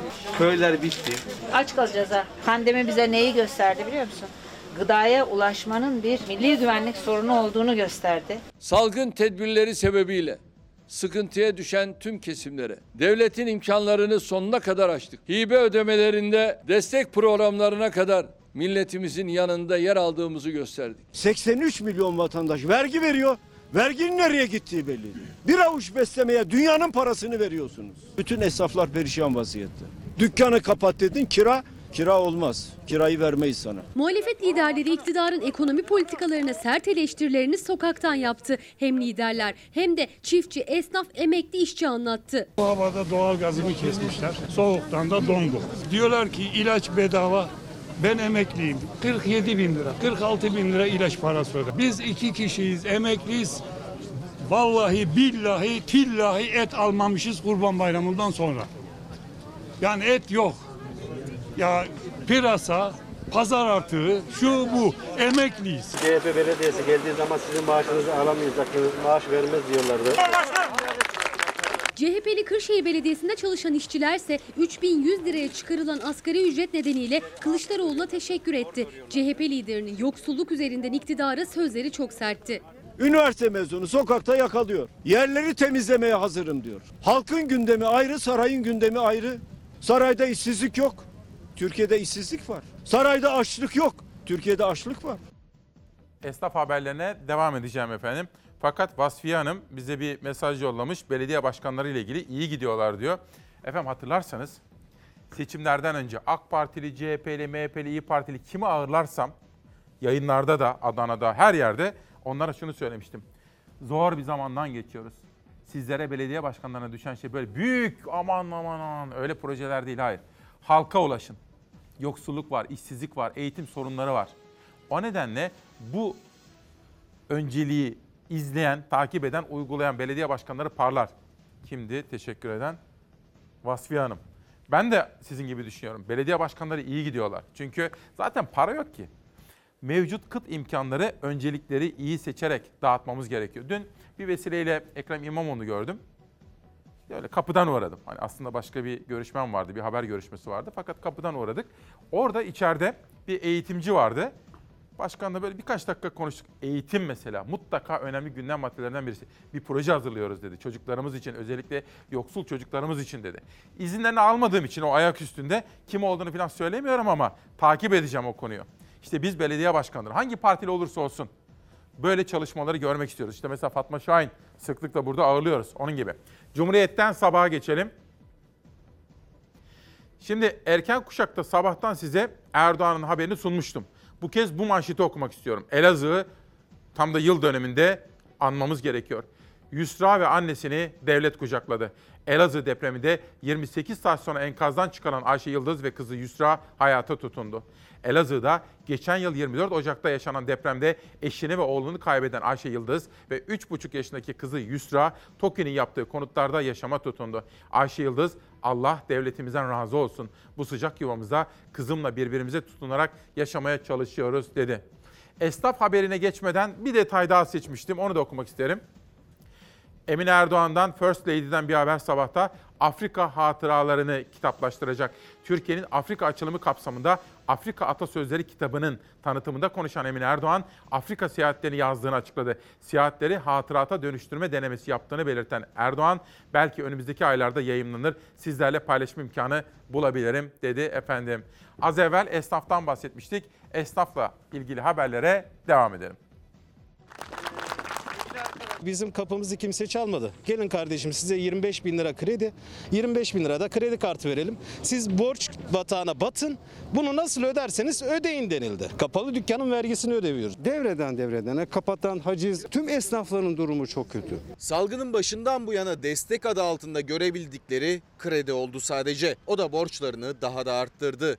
İş yerleri açılmayınca ellerinde ne varsa satmaya başladılar. Borçları ise kapanacak gibi değil. Esnaf bir kez daha eylemle sesini duyurmaya çalıştı. Pandemiden bir sene önce iş yerimi komple yeniledim. Kredi çektim. Evimi, arsamı, arabamı e, banka ipotek ettik. Şu anda mesela ödemelerimizi yapamıyoruz. İkinci ödemeler geldi. Sermayemiz satıyorum. Bir kısmını sattım. E, Sağda solda ufak böyle devre mülkümüz, küçük yerlerimiz var. Onları satışa çıkardık. 1000 liralık hibe bugünkü enflasyon şartlarında faturaya yetecek. Geçim, kiralar, kamu ve yerel yönetim giderleri. Giderleri saymakla bitmiyor kafe işletmecilerinin. Özellikle internet kafelerin paket servis gibi bir şansı da yok. Haliyle gelirleri sıfır. 3 ay süreyle almaya başladıkları biner liralık hibe ise faturaları bile ödemeye yetmeyecek. Hatay'dan geliyorum. Bir hibe yapıldı. Bugün bir Bağkur yatırmaya kalksak biz 1050 TL para yatırıyoruz. Sağ cepten alıp sol cebe koyma gibi bir şey bu. Türkiye'nin dört bir tarafından onlarca esnaf İstanbul Kadıköy'de buluştu. Seslerini duyurabilmek için burada eylemdeler. Dertlerine bir çözüm arıyorlar. Şanlıurfa'dan katılıyorum ben. Dün elektrik faturası mesaj geldi bana. Kapalı olan iş yerine elektrik faturası geliyor. Kredim var, ev kredim var. 6 ay erteledi tamam güzel. Bir daha geldi. Esnaf bir an önce ödemelerinin ertelenmesini ve iş yerlerinin açılmasını istiyor. Alınacak tüm tedbirleri de uygulamaya hazırlar. Bizim dükkanlarımız 1,5 metre sosyal mesafeyle, maskesiz girme, girmeme şartıyla paravan da koyduk aynı şekilde. Sürekli denetleniyorduk zaten. Birçok iş yerinden daha güvenliyiz. Metrolardan, AVM'lerden, kalabalık pazar yerlerinden daha güvenli olmamıza rağmen. Spor salonları şu anda açık bakın. Yani burada bir tezat var. Esnafın hali bu. Biraz sonra çiftçiyle ilgili haberleri izleyeceksiniz. Sonra sizleri Soma'ya, bizim oralara götüreceğim. Madencilerimizle ilgili haberleri sizlere aktaracağım. Ayrıca halk ekmek haberi hazırlanıyor. Hem belediye hem de Tarım Bakanlığı'nın yaptığı açıklamalar ışığında mobil halk ekmek büfeleri ile ilgili de bir haber sizlere sunacağım. Kalıcı çare bulmalı bugünkü manşetimiz efendim. Sabahtan oksijene geçiyorum. Evet Zafer Mutlu ve Tayfun Devecioğlu'nun arkadaşlarıyla birlikte çıkardıkları gazetede. Şöyle bir manşet gördüm. Hobi değil dev bir ekonomi. Mine Şen Ocaklı. İstanbul kıyılarında 100 bin kişi olta sallıyor. İstanbul'da olta balıkçılığı yapanların sayısı pandemiyle birlikte 100 bini aştı. Kimi avladığını eve götürüyor, kimi geçimini böyle sağlıyor. Olta ve av malzemesi satanların da dahil olmasıyla bu hobi büyük bir ekonomiye dönüşmüş durumda diyor efendim. Bu arada uzun zamandır rahatsızdı. Çok severdim o sabahtaki, vatandaki yazılarını. Mizah ustasıdır. Selahattin Duman da yazılarına başlamış. Bugün onun ilk yazısını okudum. Sizlere zaman kalırsa küçücük bir bölüm aktarmak istiyorum efendim. Ve İlhan Cavcav diyeceğim Ankara'ya tanımaktan onur duyduğum bir futbol dehasına. Biraz önce Nezir Önal da yazdı ya Ankara'dan. Türk futbolunun efsane ismi İlhan Cavcav'ı saygıyla anıyoruz. Gerçekten özel, müstesna bir isimdi, bir girişimciydi. Ama futbolda yaptıkları hele gider Afrikalardan bulurdu böyle çok ucuza getirirdi, parlatırdı ve çok çok pahalıya satardı efendim. Futbol ekonomisi için örnek alınması bir kişidir. Ve Kamer Genç, Türk siyasetinin nevi şahsına münhasır, yani kendine özgü kişiliği ama yaptığı açıklamalar, sergilediği tutum, FETÖ'yü mesela FETÖ. Eğer onu dinleseydi, hepimiz, hepimiz dinleseydik, devletimiz, hükümetimiz, polisimiz, biz, medya, herkes eğer Kamer Genç'i dinleseydi, biz 15 Temmuz hain FETÖ kalkışmasını çok önceleri daha başlamadan önleyebilirdik. Ben burada vatanıma, milletime, insanlarıma karşı bir ihanet etmiyorum. Ben burada vicdanımın sesine kanarak, makam ve mevki beklemeden, kimseden korkmadan, vicdanımın sesine dayanarak milletime karşı duyduğum sorumluluk duygusu gereği burada düşüncelerimi söylüyorum. Ben diyorum ki Fethullah Gülen'in ilk 700 tane öğrencisini getirip de Tay- şey Bülent Arınç efendim şiir okutup da bu şiirleri kim yazdı Fethullah Gülen demeye hakkı var mı bunun? Bunun var mı? Türkçe. Var mı bunun? Türkçe konuşuyor çocuklar. Türkçe efendim Türkçe konuşmaktan iftihar ederim. Getir Güneydoğu'da o kadar çocuk var. Okumayan insanlar var. Eğer hakikaten vatan seversin, evvela sen kendi memleketindeki gençleri bilinçli şey e, o- okumayan insanları onları okut. Onları bu memleketin sadık vatandaşları yap. Onlara emek ver. Şimdi arkadaşlar Türkiye'de bakın hepiniz de benden iyi biliyorsunuz. Amerika'ya giden özellikle AKP'li milletvekilleri Fethullah Gülen'i gidip ziyaret ediyorlar. Şimdi bu Fethullah Gülen'in bir gün bu mecliste açalım. Kimdir bu arkadaşımız? Ne yapmak istiyor? Türkiye'de bunun bu sermayesi nereden geliyor? Acaba Türkiye'deki rejimdeki rolü nedir? Bunları bir araştıralım. Niye bunu çekiniyorsunuz? Bu, peki ya- yarın bunun en büyük zararını siz çekeceksiniz. Ben çekmem. Benim zaten düşüncelerim belli. Benim düşüncelerim belli olduğu için araştıralım. Türkiye için çok büyük bir tehlikeye gelmiş. Ben burada belli bir 30 senedir bu parlamentodayım ya. Siz bir defa hiçbiriniz benim kadar deneyim sahibi değilsiniz ki. Ben diyorum ki Türkiye'den burada bir tehlike var. Bu tehlikeyi görelim. Türkiye'de rejim gidiyor. Türkiye çok ciddi bir dönüşüm içinde. Evet, Kamer Genci de İlhan Cavcav'ı da saygıyla andık. Şimdi efendim biraz böyle ekonomi konuşmak istiyorum. Sizi biraz gündeminizi oraya doğru yöneltmek istiyorum. Çok önemli iş dünyasından iki isim davet ettim. Siz halk olarak onları daha belki de ilk defa görüyorsunuz. Ama iş dünyası onları yakından tanıyor. Biraz böyle gündeme farklı gündem maddeleri de getirmek istiyorum. İki değerli konuğum var iş dünyasından. Ahmet Bey hoş geldiniz. Nasılsınız? Hoş bulduk. Çok teşekkür ederim. Çok çok iyiyim. Çok mersi. Hoş geldiniz. Demokrasi Meydanı'na katıldınız. Çok büyük bir keyif benim için. Sağ olun. Zaten biz sizden her sabah beraberiz aslında. Eksik olmayın. Ama burada şimdi Türkiye'ye Burada tabii vereceğiz. burada olmanın e, havası bir başka tabii. Yani daha böyle bir şey. Şimdi sizi merak ederler. Buyurun kamera sizin. Kendinizi nasıl tanıtırsınız? 10, 1 milyon dolarlık soru size. Var. Çok uzun sürer o zaman. Ne kadar vaktimiz var? Vallahi ne kadar anlatabilirsiniz. Kendinizi Ee, anlatın bize. e, Ben e, ben çok uzun seneden beri profesyonel olarak çalışan bir insanım. E, Herhalde bu sene e, saymadım ama aşağı yukarı e, tahmin ediyorum bir e, 38-40 seneyi bulmuştur.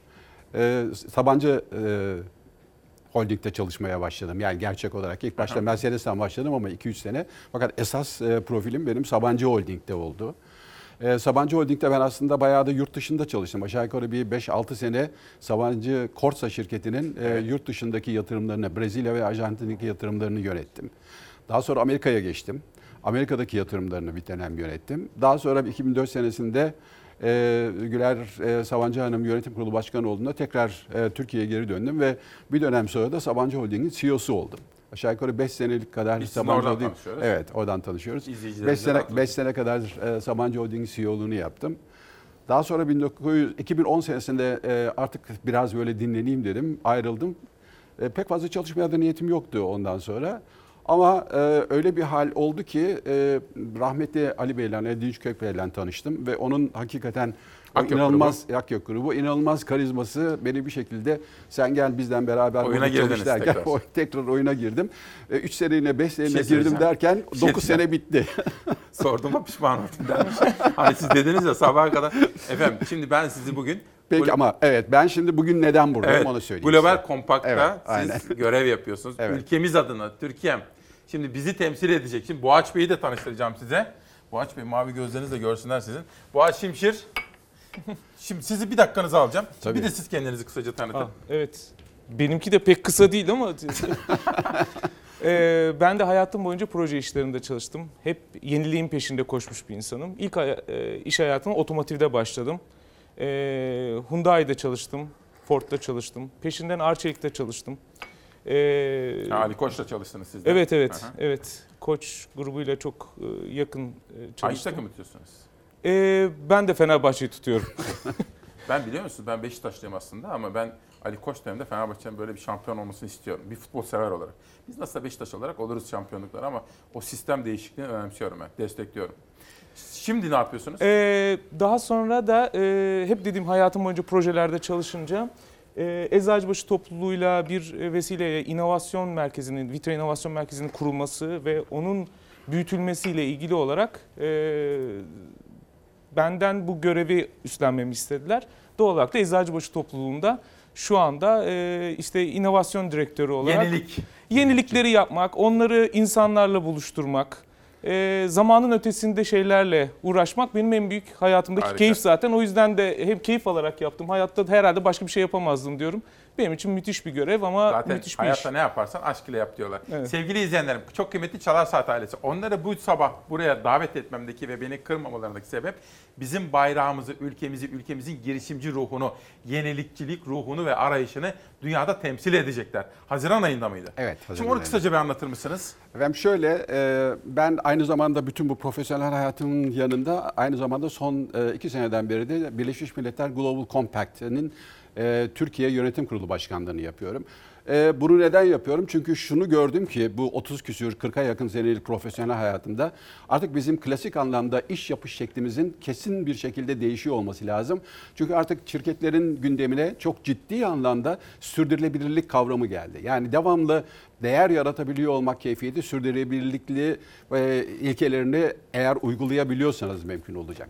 Bu çerçevede e, bunu yaparken bu Birleşmiş Milletler Global Compact'i e, Türkiye'de temsil ederken bizim her sene e, düzenlediğimiz daha doğrusu e, 2016 senesinden beri bütün dünyada düzenlenen sürdürülebilir kalkınma amaçlarını e, hedefleyen ve onlara hizmet eden, onların gerçekleştirilmesini temin edebilen e, sürdürülebilir kalkınma e, e, amaçları öncülerini e, seçiyoruz. E, bu çerçevede bu senede bize e, ondan fazla başvuru oldu.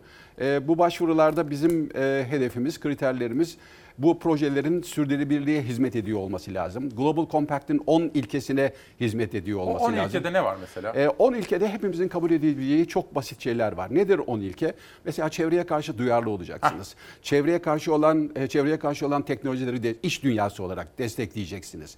Ne yapacaksınız? E, zorla iş e, zorla insan çalıştırmayacaksınız. Eşit işe eşit ücret Güzel. ödeyeceksiniz. Kadın temsili. Kadın temsili özellikle kadın temsiline dikkat İstihdamda edeceksiniz. kadın. Hitamda kadını temsil Güzel. edeceksiniz. Ayrıca çocuk e, çalıştırmayacaksınız. Sendikalaşma izinlerine, sendikalaşmaya karşı olmayacaksınız gibi iş dünyasının sürdürülebilirlik anlamda prensip olarak benimsemesi gereken 10 tane ilke var. Bu ilkelere, bu, bu projelerin bu ilkelere hizmet ediyor olması lazım. Bu ilkeler çerçevesinde çevre özellikle çok önemli. Yani e, kıt kaynakların mümkün olduğu kadar etkin bir şekilde kullanılması, tasarruflu bir şekilde kullanılıyor olması önemli. Bu sene bütün bunlara ilaveten bir de aktüel olarak Birleşmiş Milletler bize bu kriterlerin içine bir de pandemi e, Covid-19 perspektifini ekledi. Yani bu sene dedi ki bize yollayacağınız yani uluslararası yarışmaya yollayacağınız projelerde muhakkak pandeminin de Covid-19'a da etkilerini kriterlerinizin içine koyun dedi. Bu çerçevede yaptığımız bir şey ondan fazla başvuru oldu. 5 bizi bu 5 kısa listemiz oldu. Bu kısa liste e, daha sonra çok e, çok ciddi bir jüri tarafından değerlendirildi. Ve sonuçta e, Eczacıbaşı Boğaç Beyler. so- sonuçta e, e, Eczacıbaşı Yapı Gereçleri Evet. e, inovasyon direktörü e, Boğaç Şimşir'in e, yaptığı bir proje. Bu Türkiye'de birinci, oldu. Birinci oldu Siz evet. kısa listeye kalan o projeleri değerlendirdiniz. Birleşmiş Milletler'in bu kriterlerine göre baktınız ve Türkiye'yi dünyada tanıtsın dediniz. Evet. Ben inanıyorum dünyada Haziran'da da biz iyi sonuçlar alacağız. Valla çok ümitliyiz çünkü biz bu projeyi biz burada onayladıktan sonra yani birinciyi seçtikten sonra Birleşmiş Milletler'e gönderdik. Yani onlardan da açıkçası tamam bu buraya gelebilir diye böyle bir e, Gel- teyit aldık. te- te- şey Te- gelince bir, bir netice aldık ve aldınız. yaptık ve ondan sonra oraya yolladık. Yani dolayısıyla benim çok e, Boğaç'ın orada çok başarılı olacağını ve bu başı bu şeyi Türkiye'de çok e, güzel bir şekilde temsil edeceğine inancım tam. Boğaç Bey siz nerede doğmuşsunuz? Ben İzmit'te doğdum. İzmit. Evet. Çocukluğunuz İstanbul'da mı geçti? İzmit'te ilkokulu okudum. Daha sonra ortaokuldan itibaren İstanbul'daydım. Ha, size selamlar geliyor da işte Şivem Hanım'dan tutun Vardar ailesinden O çok çocukluk güzel. arkadaşlarımızdan Çok selamlar güzel. geliyor. Çok sevindim. Tanımıyordum bilmiyordum ama Evet. hani Evet. şimdi bu projeyi kısaca anlatın bize. Bizi Türkiye'mizi, Türk girişimcisinin yenilikçilik ruhunu Haziran ayındaki Birleşmiş Milletler Evet. yarışmasında anlatacak projemizden kısaca bahseder misiniz? Ee, elbette. Ee, birincisi şey, e, bu pandemi dönemi bence herkesin hayatını değiştirdi. İş hayatındaki tüm alışkanlıkları da değiştirdi. Projelerin şekillenmesini de değiştirdi. Ee, biz uzun süredir Vitro İnovasyon Merkezi'nde bu tür e, şeyleri zaten çalışmaları yapıyorduk. Ee, hijyenik kamusal tuvaletler üzerine çalışıyorduk. Ama pandemi dönemi bunu iyice hızlandırdı. Burada büyük bir fırsat olduğunu e, da görüyoruz. E, insanların hayatlarına dokunmak, onların hayatlarını daha iyi yapabilmek, e, sağlığın e, önemli bileşenlerini bir kamusal toplu tuvalette hayata geçirebilmek bizim için aslında ana hedef. E, burada e, yakaladığımız ve önemli olan husus şu. E, bugün e, bütün yük e, sağlık çalışanları ve sağlık sektörü üzerinde.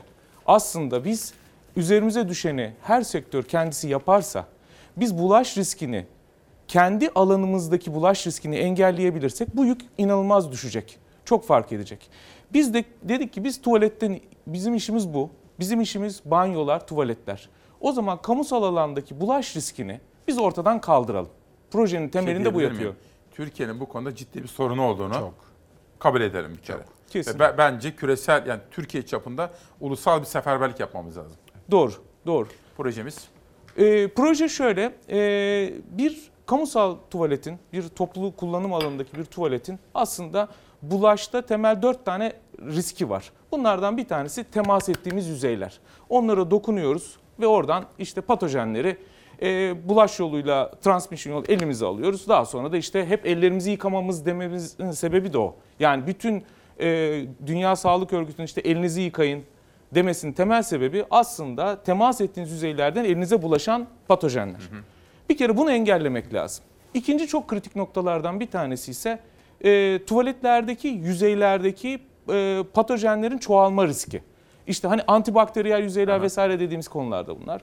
Üçüncüsü de işte e, e, aerosoller e, vesaire. Yani dördüncü son e, katmansa. bütün bunlara karşı bizim aslında ha- halk sağlığını korumak için de almamız gereken tedbirler var. Siz ne yaptınız? Biz temassız teknolojiler geliştirdik. Temassız. Temassız teknolojiler. Bunlar temassız akıllı teknolojiler ve malzeme teknolojileri. Öyle yüzeyler yarattık ki buralarda patojenler tutunamıyor. Öyle temassız e, teknolojiler geliştirdik ki akıllı teknolojiler. Tuvalete giriyorsunuz hiçbir yere temas etmeden, hiçbir yere dokunmadan. Tuvaletinizi yapıyorsunuz, kapak kendiliğinden açılıyor, sifon kendisi çalışıyor, oradakini kapatıyor. Aerosollerin dışarı çıkmasına izin vermiyor. Temassız olarak yaklaşıyorsunuz, çıkıyorsunuz. Elinizi sabunluğa dokundurmuyorsunuz. Sabun kendinden geliyor ve hepsini kullanıp hiçbir yere dokunmadan, bulaş riski olmadan tuvalete giriyorsunuz ve tertemiz bir şekilde çıkıyorsunuz. Aslında bu Proje projenin bu. an- ana şeyi ve de, bu. Evet. ve de buna ek olarak bir de akıllı su kullanımı. Yani Ha, orada evet. da çok önemli. Çünkü biliyorsunuz zaten su da çok ender ve de az bulunan soracağım kaynaklardan bir tanesi. Evet, bravo. Bu da tabii özellikle bizim en çok su harcadığımız yerlerden bir tanesi de oralar. Dolayısıyla burada da çok önemli e, ilerlemeler var. İşte bu yaptığı proje bizi projede. dünyada Birleşmiş Milletler'de Temsil Global edecek. Compact yarışmasında tanıtacak. temsil edecek. Size şu soruyu sorabilir miyim? Hazır sizi bulmuşken. Bugün Hürriyet'te okudum. Türkiye'nin su fakiri olma yolunda ilerlediğine dikkat çeken işte Dünya Doğal Hayatı Koruma Vakfı'ndan yetkililer çağrıda bulundu. Türkiye Ekolojik Üretim Merkezi yapalım. İşte bunlar aslında sizlerin gündeme getirdiğiniz konular değil mi? Tam tam tam da bunlar. Tam da bunlar. Yani aslında e, bu sınırlı sayıdaki dünya kaynaklarını akıllı kullanabilmek için aslında teknolojiyi bu anlamda kullanmak lazım. Teknoloji insanların hayatına dokunan, insanların yaşam alışkanlıklarını değiştiren ve iyiye doğru değiştiren bir yönde kullanırsanız bundan çok büyük fayda alacak insanlık. Yani işte az su tüketimi bunlardan bir tanesi. Akıllı teknolojiler neyi sağlıyor? Suyu boşuna kullanmamanızı temin ediyor. Siz siz onu düşünemeyebilirsiniz. Siz rahat davranabilirsiniz ama akıllı teknoloji buna izin vermeyebilir. Doğal olarak da hem konforlu hem hijyenik hem de çevreci bir teknoloji niye olmasın? Aslında bizim yola çıkışımız Bir bu. şey soracağım. Şimdi Sabahat Vardar Hanım da yazmış. Mesela torunlar var şimdi. Diyelim torunları var, küçük çocukları var. Çocukları bir girişimci ruhuyla beslemek lazım. Mesela sizler gibi yenilikçi ve girişimci. Ne tavsiye edersiniz mesela insanlara? Şimdi anne babalar bizi izliyor. Çocukları böyle ne yapsınlar? Çocuklarına nasıl bir eğitim bilinç versinler? Ee, yaramazlık yaparlarsa bence izin versinler birincisi. Yaramazlık yapmalarına. Yaramazlık yapmalarına. Çünkü yaramazlık aslında e, yaratıcı düşüncenin başlangıcıdır. Biraz ona izin vermeleri Güzel. gerekiyor. Tabii bunun bir sınırı var. Onu annelere ve babalara bırakıyorum. Bir şey ekleyebilir miyim Tabii burada? mi? Hata yapmalarına izin versinler. Hata yapmalarına. izin versinler. Evet. Çünkü hatalar eğer öğrenebiliyorsanız onlardan geleceğe dönük olarak çok, büyük doğru. kazanımlar kazandırır ve bu sadece çocuklar için değil hepimiz için geçerli. Yalnız şurada çok dikkat etmemiz gereken bir şey var. Hatayı bir kere daha tekrarlamayacaksınız. İkinci kere yapmayacaksınız. İlk hatadan öğreneceksiniz, bir daha yapmayacaksınız Biliyor o hatayı. musunuz? Benim babam en eski çocukluk anımda bu var. Bir kere izleyicilerime anlatıp kusura bakmayın tekrar olacak ama 200 sene olmuştur. Bir hata yapmıştım. Babam elimden tuttu okula götürdü. Fatih İlköğretim Okulu. Rahmetli Mustafa Demirçakan güzel bir öğretmendi. Babam dedi ki hocam dedi İsmail'e söyleyin. Uyarırsanız yapmaz. Her hatayı bir kere yapabilir ama onu bir kere söylersiniz tekrar etmezlerdi. Kulağıma küpedir. Size bir soru daha soracağım. Tabii ki. Ama siz de yanıtlayın. Böyle katkılarınız Tabii, iyi oluyor. tabii. Yatırım güneşi parlıyor. Bunu da Milliyet'te gördüm. Güneş enerjisi kapasitesinde yıllık bazda artışın 2021'de %100'ü aşması bekleniyor. Yani yenilenebilir enerji. Dün bir Ankara'dan da bir konuğumla Evet. tartışıyorduk. Bunları tartışıyorduk. Birazcık da bunlardan bahsedebilir misiniz? Çünkü kaynaklarımız kıt. Evet. Siz de katılabilirsiniz. Suda sorun yaşıyoruz, enerjide sorun yaşıyoruz, çevre tahribatı var. Ne demek istersiniz? Ya ben e, bütün e, gelecekteki ürünlerin zaten bu hani teknolojiye ben çok inanan bir insanım ama teknolojinin insanla olan ilişkisine çok inanıyorum ve onu geliştirmesi kısmına çok inanıyorum. Doğru teknolojiler aslında bizi bugünden daha iyi bir yere götürecek. Bu kesin. E, bugün tükettiğimiz her türlü ürünün tükettiği enerji olsun, bizlerin yanlış kullanımından kaynaklılar olsun bunları engellemek elimizde. Bir de yenilenebilir enerjiyle bunu besleyebilirsek muhtemelen bu döngüyü biz sürdürülebilir bir hale getireceğiz. Aksi takdirde eğer biz sadece güneş enerjisi, işte e, rüzgar enerjisi gibi sürdürülebilir enerji kaynaklarına yani başka kaynaklara doğru yönelir ama kendi tüketimimizi kendi yaptığımız işte bireysel olarak bunları göz ardı edersek bunlar hiçbir zaman yetmeyecek. Çünkü o zaman bu denge sürekli birbirini takip ederek gidiyor. Biz bir taraftan geri çekeceğiz. Evet. Yani kullanıcılar olarak, bizler olarak. Bizler bunların ürünlerini yaratan insanlar olarak biz de bunları geri çekeceğiz. Yani daha iyi ürünler yaratacağız. Enerji tüketimi Bakın, az. Türkiye'de geçen yıl yenilenebilir enerjiye yaklaşık 7 milyar dolar yatırım yapıldı diye bir haber okudum. Yani bakın mesela bizim e, e, Türkiye yerel ağı United Nations Global Compact olarak en önemli konularımızdan bir tanesi. yani bu 17 tane e, sürdürülebilir kalkınma amacı var. Yani 1999 senesinde Kofi Annan'ın ortaya çıkardığı ve bütün Birleşmiş Milletler'e üye olan ülkelerin bunun altında evet biz bunun altına imza atıyoruz. Bu konuda taahhüt veriyoruz dedikleri 17 tane sürdürülebilir kalkınma amacı var. Bugün burada bundan yenilenebilir enerjiden bahsediyoruz. Neden? Biraz önce söylediğimiz gibi dünyanın kaynakları hakikaten çok kıt. Ve baktığınız zaman bu kıt kaynaklara karşı dünyanın nüfusu her geçen gün biraz daha artıyor. Dolayısıyla üzerinde oturduğumuz bu gezegen bizim evimiz ve bu evimde bu evi bundan sonra gelecek nesillere de sağlam bir şekilde, sağlıklı bir şekilde, adaletli bir şekilde biraz önce siz de ondan bahsediyorsunuz. Eşitliğin olduğu, daha çok olduğu bir şekilde devrediyor olmamız lazım. Güzel. Ya bu çerçevede biz ne yapıyoruz Birleşmiş Milletler e, United Global Compact yani Türkiye yerel olarak bir örnek vereyim size mesela. E, geçen sene biz TÜSİAD'la ve Sürdürülebilir Kalkınma Derneği ile plastik platformunu şey yaptık. Ve bütün büyük şirketlere bir çağrıda bulunduk. Dedik ki gelin arkadaş burada hep beraber oturalım ve plastik kullanımını nasıl kısıtlayabiliriz veyahut da nasıl döngüsel ekonomiye çevirebiliriz? Bu konuda lütfen bize taahhütlerinizi bildirin. İnanır mısınız? Yani aşağı yukarı bir 45 gün 50 gün içinde 26-27'den fazla şirket geldi ve bunun güzel. altına taahhütünü yaptı. Yani dolayısıyla e, biraz önce Boğaç'ın dediği gibi yani bunlar hakikaten geleceğe dönük olarak çok çok önemli konular. Güzel. Yani bu eşitlik biraz önce sizi dinlerken gördüm. Siz de adaletten bahsediyorsunuz. Yani bu çok şey hakikaten çok önemli. Ahmet Bey size çok teşekkür ediyorum katkınız için. Son bir cümleyi size bırakmak isterim. Önce başarılar diliyorum ülkemiz Çok adına bayrağımızı dalgalandıracağınıza yürekten inanıyorum. Umuyorum. Ne söylemek istersiniz son söz olarak halkımıza? Ee, bu sağlık ve hijyen konusundaki dikkatlerini lütfen dağıtmasınlar. Şimdi pandemi bir azalmaya başladığı anda hemen bu alışkanlıklardan geriye doğru çekiyoruz kendimizi. Buna devam etmemiz lazım. Sürdürülebilir halde bu e, alışkanlıklara devam etmekte fayda var. Çok teşekkür. Ben de benim işte birkaç ay önce çıktı bu kitabımı bugün yayının anısına size vermek istiyorum. Harika. Fikri hür, vicdanı hür. Siz de öylesiniz. Çok çok Ahmet teşekkürler. Bende iki tane olacak şimdi. Bey. Olsun. Bunu da birine verin. Bu imzalı üstelik. Ha, Bunu ben, onu ben kendime Tamam, saklarım. çok, çok ötekini teşekkür ederim. Başarılar diliyorum. Çok çok teşekkürler. Sevgili izleyenler reklamlardan sonra Halk Ekmek, Soma, GSS haberleri ve ekonomiye dair manşetlerle devam edeceğiz. 11'e kadar. Günaydın, hoş geldiniz. 22 Ocak 2021 Cuma sabahında İsmail Küçükkaya ile mavi bir sabahtasınız. Demokrasi Meydanı'nda bu saatten itibaren yönetmen koltuğunda Savaş Yıldız kardeşim var. Aşıyı konuşacağız.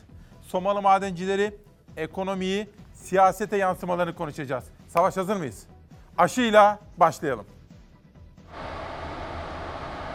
Türkiye'nin de aşı satın aldığı Çin merkezli Sinovac şirketi üretim kapasitesini artırma kararı aldı. Şubat ayında devreye girecek ikinci üretim hattıyla yıllık üretimini 1 milyar doza çıkaracaklarını duyurdu. Dünyanın birçok ülkesinde koronavirüse karşı aşılama başladı. Türkiye'de Çin merkezli Sinovac şirketiyle 50 milyon doz için anlaştı. İlk olarak 3 milyon doz aşı geldi Türkiye'ye. Hızla aşılama başladı. 1,5 milyon kişi aşılanacak 3 milyon doz aşıyla. Gözler gelecek yeni parti aşılarda. Çünkü toplum bağışıklığının sağlanması için daha çok fazla aşıya ihtiyaç var. Türkiye Çin'den gelecek aşıları beklerken Çin merkezli Sinovac şirketinden bir açıklama geldi. Şirket önümüzdeki ay açacakları ikinci üretim hattıyla yıllık üretimlerini artıracağını duyurdu. Hedefi 1 milyar doz olarak belirledi. Sinovac şirketinin CEO'su Türkiye'nin de kullandığı o aşıların virüsün yeni versiyonlarına karşı da koruma sağladığını söyledi. Geniş spektrumlu koruma sağlıyor dedi. 啊，这个对我们的疫苗最终取得成功极为重要的。 Öte yandan Türk bilim insanları tarafından geliştirilen Pfizer-BioNTech aşısının Avrupa ve Amerika Birleşik Devletleri'ne teslimatlarının gecikebileceği açıklanmıştı geçen hafta. Üretim kapasitesinin artırılacağı için önce teslimatlarda yavaşlama olabileceği duyurulmuştu. Avrupa Komisyonu Başkanı Ursula von der Leyen şirketin temsilcileriyle görüştü. Garanti edilen dozların zamanında teslim edileceğini açıkladı. Ancak bazı Avrupa ülkeleri aşıların geç geleceği endişesiyle aşılamayı yavaşlattı. Avrupa Pfizer aşılarının bulunduğu şişelerden 5 doz mu 6 doz mu aşı çıktığını tartışmaya başladı. Uluslararası haber ajansı Reuters, Fransa, İsviçre ve Almanya başta olmak üzere birçok ülkede aşıların taşındığı şişelerde 6 doz aşı olduğunu fakat şişenin üzerinde 5 doz yazması sebebiyle milyonlarca aşının çöpe atıldığını duyurdu. Avrupa İlaç Ajansı ise uygun enjektörlerle bir şişeden 6 doz çıkabileceğini açıkladı. Ancak mevcut durumda kullanılan normal şırınga ve iğnelerle şişelerden 5 doz aşı çıkarılabildiği belirtiliyor. Avrupa şimdi bu doz ayarını tartışıyor. Aşı konusundaki gelişmeleri Zafer Söken takip etti ve şimdi Zeray Kınacı'nın hazırladığı ve bir önemli dosya haberi gelecek. Eğitim gündemini sizlere aktaracağım. Gündem çalışmamı da bütün ekip arkadaşlarımdan bahsediyorum. Ezgi'den bahsettim, Beyza'dan bahsettim, Zafer. Üç ekip arkadaşım haber yaptı. Yönetmen koltuğunda Savaş Yıldız var, kameralarda Yunus var ve İsmail abim var. Danışmanım Nihal Kemaloğlu'yla da gündem çalışmasını yaptık dün uzun uzun. Ve işte Çalar Saat gazetesi Orkun Özgül çizdi. Genç arkadaşım gelecek vaat ediyor. Pandemi döneminde ara tatil. Milli Eğitim Bakanlığı'nca COVID-19 tedbirleri kapsamında uzaktan eğitim sona erecek ve yaklaşık 18 milyon öğrenci 3 hafta sürecek yarı yıl tatiline başlıyor. 8. ve 12. sınıf öğrencileri ve mezunlar için isteğe bağlı olarak açılan resmi okullardaki destekleme ve yetiştirme kurslarında, özel okullardaki takviye kurslarında ve 12. sınıflara yönelik özel öğretim kurslarında yüz yüze eğitim bugün başlıyor. İyi Parti Grup Başkan Vekili Lütfü Türkkan, Milli Eğitim Bakanı Ziya Selçuk'a şunu sordu. Çeşitli imkansızlıklar nedeniyle derslerine gerekli şekilde katılım sağlayamamış öğrenciler için bir çalışmanız var mı? Türk Eğitim Sen Genel Başkanı Talip Geylan da öğretmenlerin tamamı yarı yıl tatilinde aşılanmalıdır diyor. Ve bence en önemli konu öğretmenlerin aşılanması. Ben hem sağlık açısından hem de evde daha rahat olduğu için evde kalmak istiyorum. 15 Şubat'ta okulları açmakla ilgili zaten bir ilke kararı aldık. 18 milyon öğrenci için eğitim öğretim döneminin ilk dönemi bitiyor. 3 hafta sürecek ara tatil başlıyor. Tatilin dönüşünde 15 Şubat'ta okulların yüz yüze eğitime açılması hedefleniyor. Uzmanlarsa hem öğretmenlerin aşılanması hem de salgının seyri konusunda uyarıyor. Bu kez çok acele edilmemesi taraftarıyım. En azından risk grubunun aşılamasının tamamlanması gerekiyor ki normale doğru adım atmaya başlayalım. Koronavirüs salgınının yeniden yükselişe geçmesi nedeniyle güz döneminde eğitim öğretim uzaktan eğitim yöntemiyle yapıldı. Öğrenciler, öğretmenler çok özledikleri okullarından uzak kaldı. Şu anda açılsın noktasında çok ciddi bir beklenti var. İlke olarak e, okulun açılmasını çok önemsiyoruz. Milli Eğitim Bakanı Ziya Selçuk ciddi beklenti var diye açıkladı yüz yüze eğitime geçilmesini ve 15 Şubat tarihini telaffuz etti. Sınav senesindeki 8. ve 12. sınıfların okullardaki yüz yüze kurslarına ise bugünden itibaren izin verildi. 15 Şubat'ta okulları açmakla ilgili zaten bir ilke kararı aldık. Bugün milyonlarca öğrenci için karne günü. Öğrenciler karnelerini sanal ortamda alacak ve 3 hafta sürecek ara tatile girecek. 15 Şubat'tan itibaren okulların artık mümkün olduğu kadar daha yüksek bir kapasiteyle açılması gerektiği noktasında bir kararlılığımız var. Yüz yüze eğitim konusunda ise uzmanlar uyarıyor. Salgının seyrine göre adım atılmalı ve öğretmenler bir an önce aşılanmalı diyor. Bana göre öğretmenlerin birinci gruba alınması lazım. Kronik hastaların peşinden öğretmenlerin de aşılanması lazım. O çocukların eve getirecekleri virüs bulaştığında riskli olabilecek grubun bağışık olması gerek. Dedelerini, ninelerini, Aşı, eğitim ve ekonomi. Ana gündem maddelerimizden birisi bu. Ve milli üretim hamlesi diyor. Tunç Soyer tarımda dışa bağımlılığı sona erdirecek modeli tanıttı. İzmir Büyükşehir Belediye Başkanı Soyer, Seferihisar'dan bu yana sürdürdüğü başka bir tarım mümkün felsefesinden doğan yeni tarım ekonomisi modelini açıkladı. Tunç Soyer, tohumdan satışa kadar ki bütün süreçlerin tasarlandığı yerli ve milli üretim modelinin dışa bağımlılığı sonlandıracağını söyledi diyor efendim. Ve siyasetin gündeminde ekonomi var. Meral Akşener esnaf turlarını sürdürüyor. Patateslerimiz çürüme noktasında. Kaldırdığımız hep 300 ton, ton domatesi sürdük. Para etmiyor. Çok mağduruz çiftçi olarak.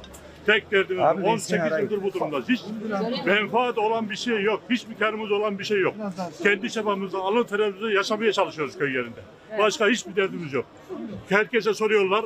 iktidardan ben memnun olan istiyor. Ben emekliyim, ben çiftçiyim, ben aile babasıyım. Durum Türkiye'nin durumuyla paralel Sayın Genel Başkan. Evet. Ne iş yapıyorsunuz siz?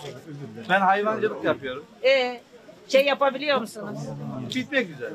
İşte onun için besicilerle konuşuyoruz da. Yüzde 150 girdilerimize zam geldi. Evet. Et fiyatları, süt fiyatları yerinde sayılıyor. Köyler bitti.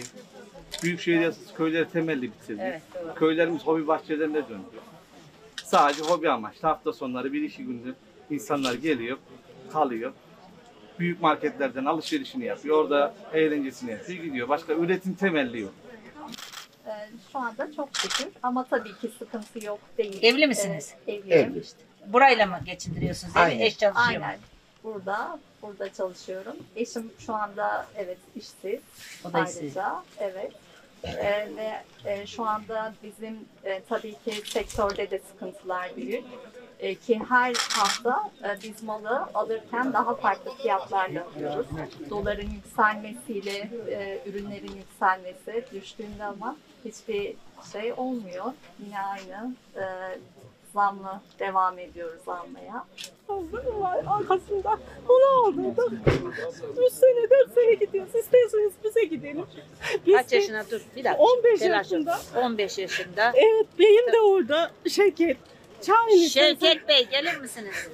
Dur, dur. Şevket Bey. O anlattı size. Tamam, tamam, Kusura tamam. bakmayın. Yok yok anasın, anasın. Analar öyle olur. Siz de benim gibi düşünmüyor musunuz? Kadın olmalı daha çok. Siyasette, lider düzeyinde, yönetimde, bakanlar düzeyinde. Parlamentoya bir baksak böyle yarı yarıya kadın. Bakanlar kuruluna bir bakmışız. Finlandiya'daki gibi, Fransa'daki, Kanada'daki gibi bakanların yarısı kadın. İnanın bana çok şey değişir. Bence sorunları çözmenin temeli bu. Temsiliyet. Her yere gittiğimizde mesela bir hastaneye gittiniz. Başhekim kadın. Barolara gittiniz. Başhekimlerin, baro başkanlarının yarısı kadın. İnanın bana tablolar değişir. Korkusuz gazetesi ziraat emlak diyor. Çiftçiye vereceğine çiftçiden icra ile alıp satıyor. Tarımı geliştirmek için kurulan Ziraat Bankası borcunu ödeyemeyen çiftçinin tarlasına el koyup internette satıyor. Ve bugün Korkusuz Gazetesi editörleri birinci sayfada Ziraat Bankası'nın sattığı tarla, kestanelik, zeytinlik, müstakil ev ve gayrimenkul gibi ilanlardan da yola çıkarak bilgilendirme yapmış izleyicilerine efendim. Hele böyle pandemi zamanlarında, hele hele kış aylarında hava soğukken işsizlik ne kadar zor bilir misiniz? 8 ay bir işsizlik maaşı aldım. Onunla idare ediyordum. Keşke devam etseydim. 17 Nisan 2020'den itibaren salgın nedeniyle işten çıkarmalar yasaklandı. Hemen öncesinde işten çıkartılanlarsa son işsizlik maaşlarını aldılar. İşsizlerin tek ve son geliri kesilince tekrar işkur kapısındalar. Onlardan sadece biri Mustafa Baran. İşsizlik maaşı bittikten sonra tekrar geldim başvurdum. Yapılar elime bir kağıt yerleştirildi. Şu numarayı ara diyor. Arıyorsun onlar da bize eleman lazım değil diyorlar. Çok başvurdum. Çok yere gittim. Ne diyorlar? Yemin ediyorum yok diyorlar yok. Bir kızım var. Evim kira. Yemin ediyorum sana elektrik faturasını yatıramıyorum. kadar dayanabilirsiniz işsiz? Dayanamam herhalde. İşsizlik maaşının uzatılması için işkurun kapısını çalanlar eli boş dönüyor. İş arayanların durumu da farklı değil. Abdullah Yılmaz'ın da 6 yıldır çalmadığı kapı kalmadı. İş ararken 6 yaş daha yaşlandı. Her geçen yıl iş bulabilmesi zorlaştı. Yine de umudunu yitirmemeye çalışıyor. Çünkü başka çaresi yok. Ne iş arıyorsunuz? Ne olsa yaparız. 5-6 senedir işsizim. 64 yaşındayım. Bana bir ekmek ver. Kime diyeceğiz? Kimden ekmek isteyeceğiz? Umudunuzu kaybetmemişsiniz 6 yıldır aradığınıza göre. Kaybedeceğiz ki. Ne kaybedeceğiz ki? Ne yapacağız ki? Yapılacak bir şey yok. Var mı? Bin bilmem ne küsür elektrik parası, ondan sonra doğal parası, su parası gelmiş ben ödeyemiyorum. İşsiz son kez aldı işsizlik maaşını. Artık tek çaresi yeni bir iş bulmak. Ya yeni bir iş bulacak ya da aslında başka bir seçeneği yok. Ya yeni bir iş bulup çalışacak ya da geçim çok zor olacak. Ablam açık konuşalım. Fırınlara gidiyoruz diyoruz askıda ekmek var mı? Başvuruyorum işçi çıkarıyorum diyor. Umudunuz var mı? Maalesef.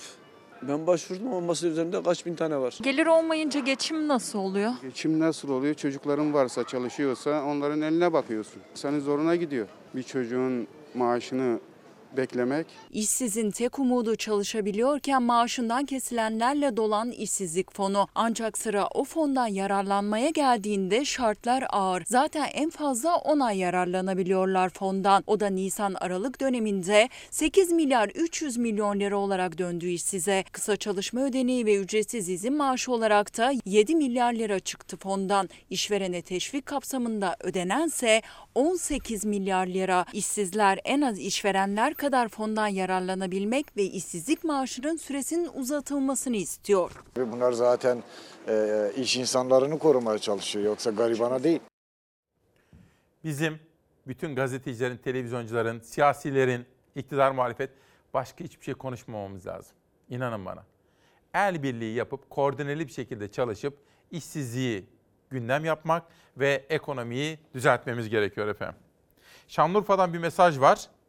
Bir şikayet İbrahim Bey'den ama ondan önce Mehmet Bektur polislerimizin haklarını savunan bir sivil toplumcudur. Aa, torunu Nehir'in doğum günüymüş bugün. Aa, bizim bugün Alaaddin abimiz var. Duayen bürokratlardan. Alaaddin Kuday'ın da bugün doğum günü. Onu da kutlayalım. Ve bakın şu sese kulak vermemiz gerekiyor. İbrahim Beyaz. Günaydın diyor. Şanlıurfa Ceylanpınar'daki TİGEM'in bize yaptığı zulüme bir bakın. Hayvanlarımızı dışarıya çıkaramıyoruz. Hayvanlarımızı yakalayıp nezarethaneye götürüyor. Ceza ödemesek hayvanlar açlıktan ölür diyor bakın. Buradan bunu da Tarım Bakanlığı'na ve TİGEM'e duyurmuş olalım efendim. Korkusuzdan bir haber daha. Salgın yüzünden kapanan işletmeler kan ağlıyor. Yeme içme sektörü nefes alamıyor. Kira, vergi ve maaş ödeyemeyen işletmeler süratle açılmak istiyor diyor. Ve bakın gazetelerde de bu konular çok fazla gündeme gelmeye başladı. Bugün erken saatlerde size Hürriyet gazetesinden de aktarmıştım. Keza gazetenin yayın yönetmeni Ahmet Hakan da bugün yazısını restoranların ne kadar zorda olduğunu ve gıda fiyatlarındaki artışın ne kadar vatandaşı sıkıntıya soktuğunu yazmış. Yani gazetenin yayın yönetmeni de halkın bu meselesine dikkat çekmeye gayret etmiş efendim. Kılıçdaroğlu da vatandaşı dinlemeye başladı ve bakın nasıl görüntüler yansıdı. Son derece önemli bir görüntü. Biz 3 ay ve 3 ay olmak üzere toplam 6 aydır kapalıyız. Yani yılın yarısını yaptık, yılın yarısında çalıştık. Kiralarımızı ödedik, vergilerimizi ödedik, kredilerimizi ödüyoruz. Ama bunlar için hiçbir sebeple bize derdimiz ve şikayetimiz sorulmuyor. Şunu da dile getiririm ki kafemizin kapısının önünden geçerken bize dönüp de derdiniz nedir denmediği için kafe kapalıyken de hiçbir şekilde şikayetlerimiz dinlenmedi. Ben bunu söylemek istiyorum. Tabii ki tüm esnaf gibi biz de bu durumdan çok muzdaribiz. Ee, sonuçta ben kendi mesleğimi yapmak isterim. Kendi mesleğimi atanamadığım için yapamıyorum. Ama e, esnaflık yaparken de bu şikayetlerimizi dile getirirse çok memnun olurum. İşte hepimiz bunu yaparsak siyasetçisi, iktidar, muhalefet, gazetecisi o zaman halkın gündemi konuşulmaya başlanır ve iktidar da anlar der ki ya bu halkın sıkıntıları var. Çözelim, işbirliği yapalım der. Bizim görevimiz bu. Bizim baştan itibaren destek verdiğimiz hak arama mücadelesinde haklarını almasını istediğimiz kesimler, madenciler, Soma'da direnen madenciler kazandı. 4000 madencinin hakkı hesaplarına yattı. Tazminat ve emeklilik hakları için defalarca eylem yaptılar. Ankara'ya yürüdüler ve o işçiler kazanım elde ettiler. Bağımsız Maden İş tarafından Twitter'da yapılan paylaşımda direnen kazanır dedi. Efendim şunu biliyorsunuz, bin kere de olsa tekrar edeceğim. Anayasamız bizim barışçıl gösteri hakkımızı teminat altına almaktadır. Dün Adalet Bakanı da söylediği gibi anayasa herkesi bağlar. Mücadeleleri sonuç verdi, tazminatları hesaplarına yatmaya başladı. 4000 madenciden 2200'ü paralarını aldı. 1800 maden işçisinin ise itiraz süreçleri değerlendirme aşamasında.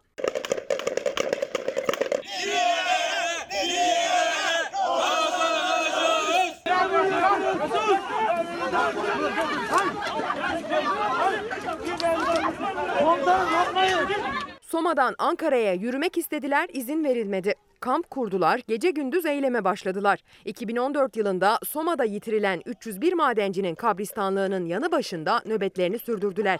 Defalarca Ankara'ya gittiler, Enerji Bakanlığı yetkilileriyle görüştüler. Israrla istedikleri zaten hakları olan tazminatlarıydı. Uzun süre mücadele eden madenciler Türkiye Büyük Millet Meclisi'nden konuya ilişkin yasa çıkarılmasını da sağlamıştı. Bağımsız maden işten yapılan açıklamaya göre maden işçilerinin girişimleri sonuç verdi. Tazminatlarımız ödenmeye başlıyor. TKİ şu anda imzaları e, kabul et, ediyor. 4000'e yakın hak sahibi madencinin 2200'ünün hesaplarına paraları yattı. Yaklaşık 1800 madenci eksik hesaplama konusunda yaptığı itirazın sonucunu bekliyor. 1800 madencinin alacakları itiraz incelemesi biter bitmez yatacak dendi. Sendika itiraz süreci sonucunda yatırılacak tazminatların da takipçisiyiz açıklaması yaptı. Bu mücadeleyi işçilerin birlik ve beraberliğiyle kazandık. Bu mücadelemiz tüm Soma halkına, tüm madenci halkına e, hediyemiz olsun. Turizm işletmecileri adına da, turizm emekçileri adına da o gün kardeşim bir mesaj yollamış. Turizm emekçileri de zor durumda. Ve Ankara'dan gelen bir mesajı okuyacağım bakın. Atanamayan yanlış. Hani atanamayan diyorduk ya. Böyle dersek kişilerin becerememesi akla gelir. Halbuki atanmayan olmalı. Çünkü ataması gerekenler atamaları yapmıyor. Yetkililer hak edenler atamıyor. Bu mesajı da bana Ankara'dan Ali abim yolladı. Ali Kemaloğlu. Hikayesi şöyle. İki yıl kadar evveldi Tunceli'ye yayına gitmiştik. Yayından sonra halkımızla sohbet ediyorduk. Orada Ali abi bir oteldeki emekçi kardeşimle sohbet ediyordu. Atanmadım dedi. Öğretmenlik eğitimi almış. Atanmak istiyor. Öğretmenlik yapmak istiyor. Atanmadım ben dedi. Atanamayan mı? Hayır hayır dedi. Atamadıkları dedi. İşte oradan dilimize böyle bir kavram gelmiş oldu efendim. Atanamayan deyince hakikaten sanki eksikmiş de atanamamış. Halbuki o eğitimlerini tamamlamış. Atanmayı hak ediyor aslında ama atayamamışız bizler. Biz atayamamışız. Le Monde gazetesine bakacağım. Joe Biden'la ilgili bir manşet dikkatlerimizi çekiyor.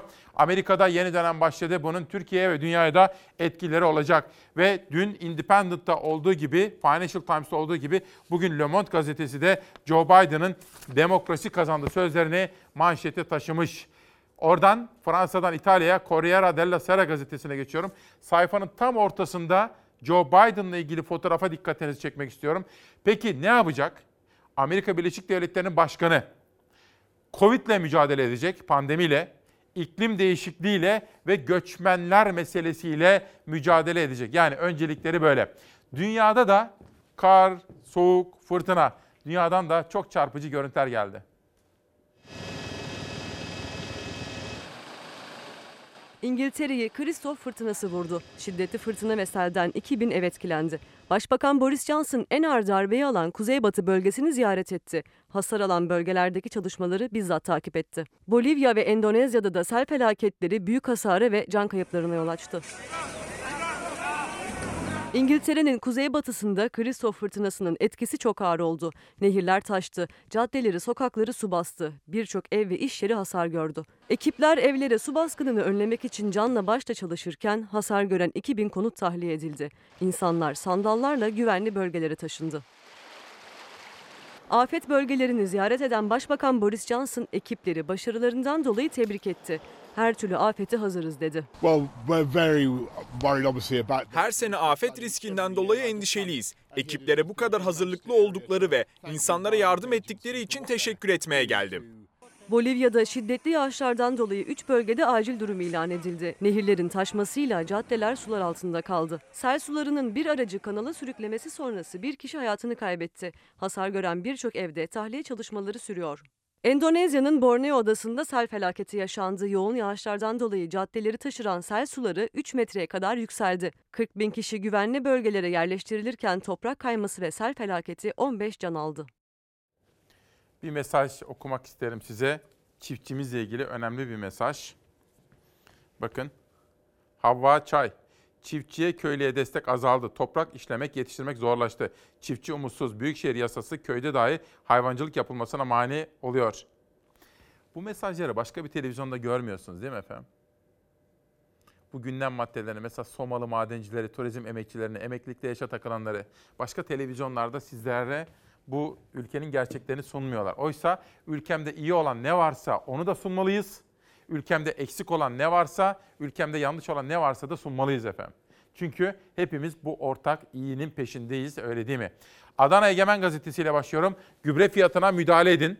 Adana'dan pandemiyle birlikte ekonomide yaşanan sıkıntılardan dolayı yükselen gübre fiyatları çiftçinin korkulu rüyası oldu diyor Kezban Karaslan'ın Egemen'deki gazetedeki manşeti. Konya fırsatçılık yapılıyor. Süt üreticilerinden yüksek fiyat yorumu gelmiş ve fırsatçılık yapıldığına değiniyor Konya gazetesi. Elazığ'a geçelim. Elazığ'ın Haberkent gazetesinde ne var? Ha gazete geçtiğimiz haftalarda gündeme getirmişti.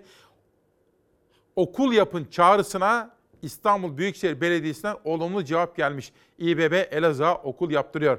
Haberkent gazetesi olarak Cumhuriyet Halk Partisi'ne Büyükşehir Belediyelerinden bütçe ayırarak Elazığ'da bir okul yapılması çağrımıza İstanbul Büyükşehir Belediyesi tarafından olumlu cevap geldi. İlimize bir okul kazandırmak için Elazığ Valiliğinden okul inşa etmeyi talep etmiş efendim İstanbul Belediye Başkanı İmamoğlu. İmamoğlu dün bir de evsizlerle buluştu. giyinme, yeme, içme, barınma, doktor kontrollerini, tıraşlarını, her şeylerini burada biz yapıyoruz. Anadolu'ya gitmek isteyenler var ise eğer onları da Sosyal Hizmetler Daire Başkanlığımızla iletişim halinde olarak Anadolu'ya gönderiyoruz. Oldu mu öyle? Oldu. Üç ailemiz oldu. Hava buz gibi soğudu. İstanbul Büyükşehir Belediyesi sokakta yaşamaya çalışan evsizler için kolları sıvadı. Soğuk kış günleri ister istemez İstanbul'umuzda e, evsizler, e, evi, evsi, evi olmayan ya da evine gitmeyen, gidemeyen insanlar e, oluşturuyor. Buna e, çözüm bulmak adına tabii kış hizmetleri kapsamında belli noktalarda e, ihtiyaç gideren merkezlerimiz var. Florya'daki engelli kampı kış koşulları sertleşince sokakta yaşayanlar için geçici barınma alanı haline getirildi. Evsizleri ziyaret eden Ekrem İmamoğlu kalıcı çözüm sözü verdi. Burada esas olan evsizleri her kış misafir etmek değil, evsizlere kalıcı çare bulmak. Üniversite bitirmiş iki öğrenci vardı. Güzel. Onlar da İstanbul Ofisi ile beraber Birinciz'de organize sanayi bölgesinde işe başladı. Bir tanesi de şu anda Kadıköy'de. E şu, şu da olabilir. E, şu da olabilir. Yani bir mobil e, istihdam ofisi aracı buraya gelsin. Olanlarla da görüşsün. Yani e, illa hani sizin tespit ettiğiniz değil, onlar da burada hepsiyle bir görüşüp bir envanter çıkarsınlar. Sokakta yaşayanlar en çok işsizlik ve ailevi sıkıntılarla evsiz kaldıklarını anlattı. İstanbul Büyükşehir Belediye Başkanı kampta kalanların istihdam edilmesi için çalışma başlatılması talimatını verdi. Hizmetten faydalanan vatandaşlardan biri İmamoğlu'nu karşısında görünce Cumhurbaşkanı olarak görmek isteriz dedi. İnşallah sizi ileride Cumhurbaşkanı olarak da görmeyi isteriz. Ee, Umudum benim o şekilde. İnşallah siz bizim fenerimizsiniz. Benim umudum ne biliyor musun şu anda? Bir, burada sağlıklı olmanız. iki size kalıcı bir çözüm bulmamız Kalıcı bir çözüm bulmamız lazım diyor. Bakın Mustafa Yanık. Madenciler kazandı. Darısı bizim başımıza. 45 yaşımıza kadar uzman çavuşluk yapmamıza rağmen bizi memur emeklisi yapan yetkilere aykırıyoruz. Biz uzman çavuş emeklisi olmak istiyoruz diyor Mustafa Yanık. Ve bir de Alanya gazetesinde çarpıcı bir haber dikkatimi çekti. Ama önce iki kitap tanıtmak isterim. Mürşide Oklu Ayan, Afyon Karahisar'ı kucakladım şiirlerimle. Bizim oralar işte Kütahya, Eskişehir, Afyon Karahisar, Uşak. Simavlıyım ya oradan. Hemşericilik yaptım azıcık. Pir aşkına diyor Turan Özbudak yazmış ve imzalayarak bana göndermiş. Kendisine de teşekkür ediyorum efendim yeni çıkan kitaplar. Alanya gazetesinde kaldık. Elazığ'dan Alanya'ya geçiyorum. Efendim yerel gazeteleri de Savaş Yıldız kardeşimle birlikte seçtik bu sabah yine. Pandemi hibesine haciz geldi diyor Alanya gazetesi. Oda başkanları isyan etti. Esnafa devletin yaptığı pandemi yardımları banka hesaplarından borçlara gitti. Esnaf ne istiyor? Aa bir video vardı ya arkadaşlar. Savaş, sabah çok erken saatlerde verdiğim bir esnaf videosu vardı. Onu bir bulun bakalım bana. Çünkü orada da yazıyordu bu sicil affı. Sicil affı getirilsin. E-hacizler durdurulsun. Kurtuluş kredisi verilsin. Dükkan sahipleri toleranslı olsun. Esnafa çalışma izni çıksın demişler. Aksi halde esnafın dayanacak gücü kalmadı. Hazır mı? Sabah çok erken verdim de malum pandemi zamanı belki de uyanamamışsınızdır. Şu videoyu bir izleyelim. Esnaf ne istiyor öğrenelim. Esnaf esnaflığı sırtında taşıyor şu anda. Belki birkaç gün sonra işletme iş yapmaz ise dükkanı komple kapatacağız. 2 ay mı, 3 ay mı, 4 ay mı, 5 ay mı artık onu da bilemiyoruz. Evimize ekmek alma para bile bulamıyoruz şu anda. Zor durumdayız. İki buçuk üç aydan beri siftah yapmıyoruz. Zaten normalde de dükkanımız kapalıydı. Şöyle söyleyeyim belki birkaç gün sonra biz de kilitleyeceğiz. Ya, ya hep Masraftır. Hani zor karşılıyoruz hani. Hani giderimiz çok, gelirimiz de çok. Nasıl yapacağız? Vergimizi nasıl ödeyeceğiz? dediler elektriği kesme yok. Recep Tayyip Erdoğan kendisi dedi o da yok. 26 kişimiz var fakat bunu yarın 9 kişiye düşüreceğiz. Son çırpınışlarımız. Şurada 50-60 tane paket ne iş dönüyor mu dönmüyor. Bu ayın sonunda, bu ayın sonunda sonra herhalde kapatırız. Vaziyet onu gösteriyor. Bizi yalnız başımıza bıraktılar. Esnaf gerçekten korunmak isteniyorsa onun beklentilerini, onun sorunlarını dinlemek zorundayız. Stopaj vergisi var. Kalkması lazım. Beklentilerine cevap vermek zorundayız. Esnaf Bakanlığı. Esnaf Bakanlığı olacak ki esnafın doğrudan doğruya muhatap olduğu, derdini anlatabileceği, çözmediği zaman da şikayet edebileceği bir makam olsun. Bir de Çalışma Bakanlığımızın, devletimizin, iktidarımızın maaşını alamayan işçilerin sesini de duymasını isterim. Lütfen devreye giriniz, lütfen. Onunla ilgili bir haber var. Önce Tuzak kitabı İlker Şenol yazmış, imzalamış. Sen Anka kuşunun hikayesini bilir misin diyor bize. Şenol, teşekkürler. Uğur Gürses, faiz artışı yapmadan yapmış gibi bir etki sözle de olabilir. Naci Ağbal bu kuzu kullandı. Oyun alanının daraldığının iyi bir göstergesi diyor. Yani manevra alanımız iyiden iyiye azalmış ekonomide. Anayasa Mahkemesi Enis Berberoğlu için ikinci kez hak ihlali kararını oy birliğiyle verdi. Bir kez daha duyuruyor ve uyarıyoruz. Mahkeme kararları uygulanmazsa hukuktan söz etmek mümkün olabilir mi? İzmir'den Atilla Sertel. Yoğun bakım servislerinde %60 azalma, uçurumun kenarındaydık, kısıtlamalar yararlı oldu diyor. Adalet Bakanı Gül, sosyal medyada tutuklama siparişi verenlere sesleniyorum. Türkiye Cumhuriyeti bir hukuk devletidir. Bunu önümüzdeki hafta bir gün etiket yapalım arkadaşlar. Not alın da Türkiye Cumhuriyeti bir hukuk devletidir. Ve hukuk devletlerinde ne olur? Hukuk devletleri hak temelli, vatandaşlık temelli bir yaşamı garanti ederler. İşçiler hak ettiklerini, maaşlarını, tazminatlarını alabilmelidir. Çünkü çünkü Türkiye Cumhuriyeti bir hukuk devletidir.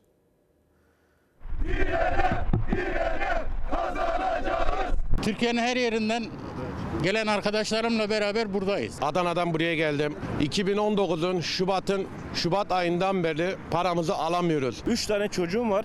Ee, Onlara artık ekmek alamaz hale geldim. Cezayir'in kavurucu sıcağında aylarca ailelerinden uzak çalıştılar. Şimdi ailelerine götürecek ekmeği zor buluyorlar. Çünkü emeklerinin karşılığını maaşlarını alamadılar. Günlerdir eylem yapan inşaat işçileri bu kez adliyedeydi. İki yıllık maaşlarının ödenmediği gerekçesiyle suç duyurusunda bulundular. Bugün Çağlayan Adliyesi'ndeyiz. Kışın ortasında hak edişlerimizi almak için hep birlikte mücadele etmeye devam ediyoruz. kişilerin tamamını savcılığa bildireceğimizi ve sürecin sonuna kadar takipçisi olacağımızı buradan kamuoyuna durduruyor, duyuruyoruz. İki yıldır ödenmeyen maaşları için günlerdir seslerini duyurmaya çalışıyor işçiler. Bugün de Çağlayan Adliyesi'nde bir araya geldiler, suç duyurusunda bulundular. Mardin'den geliyorum. Ben 22 saat yol geldim. Buraya gelirken de yol parasını borç ettim. Ben buradan para almadan gidemem. Çünkü yol param yok. Evime döneyim. Sürekli bu borç harç içindeyiz. Eşyalarımızı satıyoruz. Soğuk demedik, kar demedik. Kalktık geldik bin kilometre yol geldik.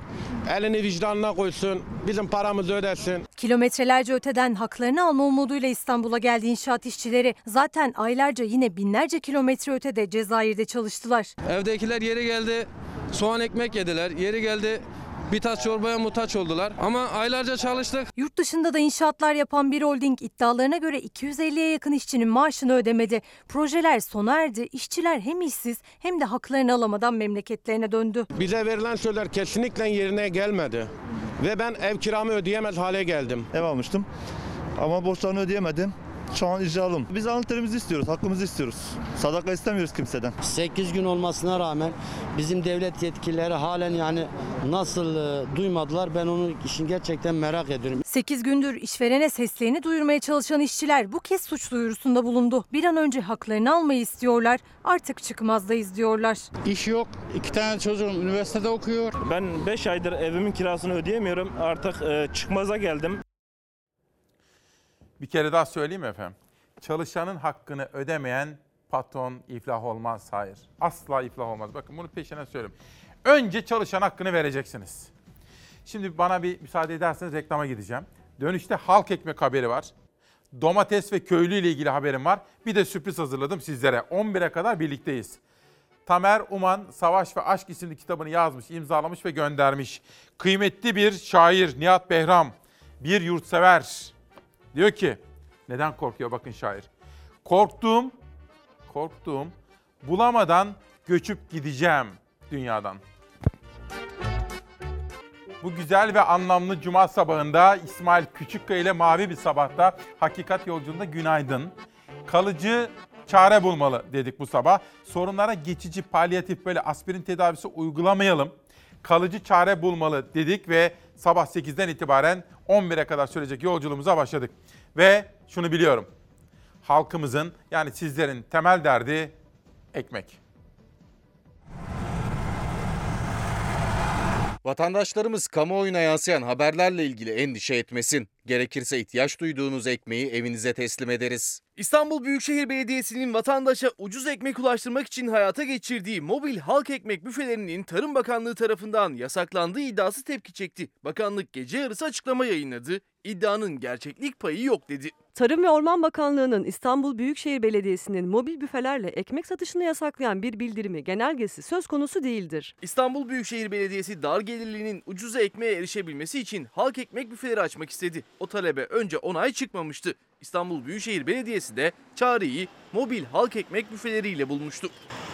Afiyet olsun efendim. 1 lira değil 5 kuruş bile çok önemli şu zamanda. Geçtiğimiz hafta yeni büfelerin açılması önerisini destekleyeceklerini açıkladı İBB Meclisi'nin AK Parti cephesi. Yeni büfeler için kollar sıvandı. Yeni büfeler açılana kadar mobil halk ekmek büfeleri hizmet vermeye devam ediyor. Dün akşam saatlerinde sosyal medyada bir iddia ortaya atıldı. Tarım Bakanlığı'nın mobil halk ekmek büfeleriyle ekmek satışını yasakladığı ileri sürüldü. Tepkiler yükseldi. İBB sözcüsü Murat Ongun, gerekirse ihtiyacı olanın evine ekmek teslim ederiz dedi. Vatandaşlarımız kamuoyuna yansıyan haberlerle ilgili endişe etmesin. Gerekirse ihtiyaç duyduğunuz ekmeği evinize teslim ederiz. İddialar ve tepkiler üzerine Tarım ve Orman Bakanlığı gece saat 02'de bir açıklama yayınladı. Söz konusu iddianın gerçeği yansıtmadığını, karalama maksatlı olduğunu duyurdu. Mobil büfelerle ekmek satışını yasaklayan bir karar olmadığını açıkladı. Halk ekmek meselesi bizim hassas olduğumuz, takip ettiğimiz konuların başında geliyor. Ve aynı şekilde tarım ve üretici bir domates haberi var ama domates haberine gitmeden bu kitabı da tanıtmak isterim. Değerli anneler, değerli babalar, Murat Aydeniz ve Serap Aydeniz'in yazdıkları kitapta bu sabah Çalar Saat kitaplığında. Üreticiyi de refaha erdirmek zorundayız. Biz bu tomatayı böyle topluyoruz. Buradan 1 lira 80 kuruş. İstanbul'a gidiyor 10 lira. Bu aradaki farkı kim yiyor? Hem üreticinin hem tüketicinin beli bükülmesin. Pazardan domates satın almak bel büküyor. Fiyat maliyetin altında kalınca üreticinin de beli bükülüyor. Rusya'nın ülkemize uyguladığı kota artırıldı, çiftçi umutlandı. Ancak tek sıkıntı kota değil.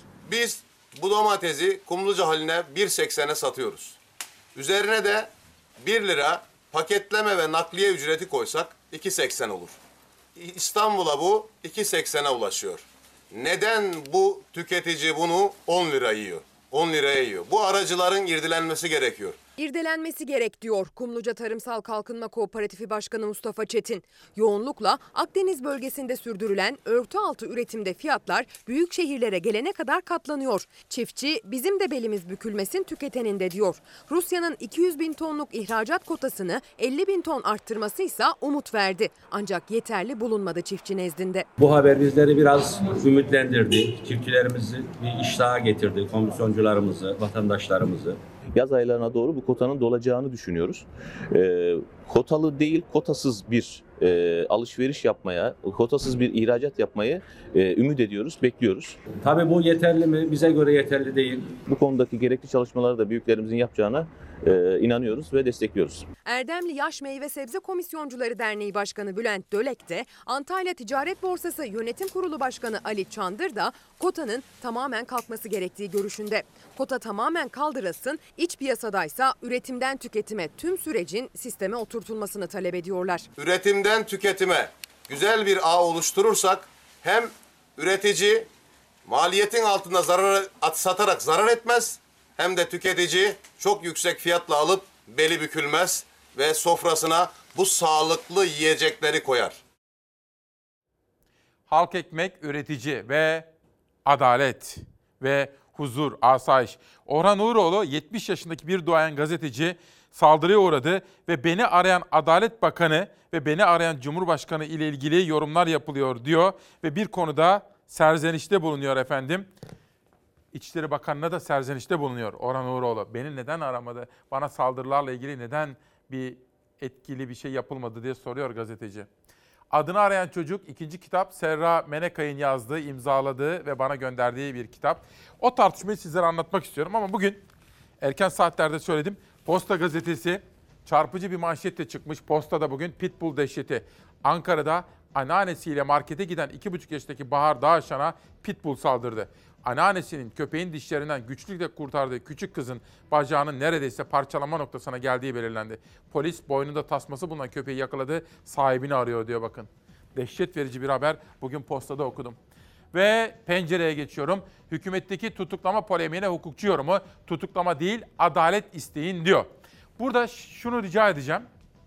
Önce hepimiz ben de Süleyman Soylu'nun ve bütün annelerimizin ve bizlere anneye saygıyı öğreten babalarımızın ellerinden öpüyorum.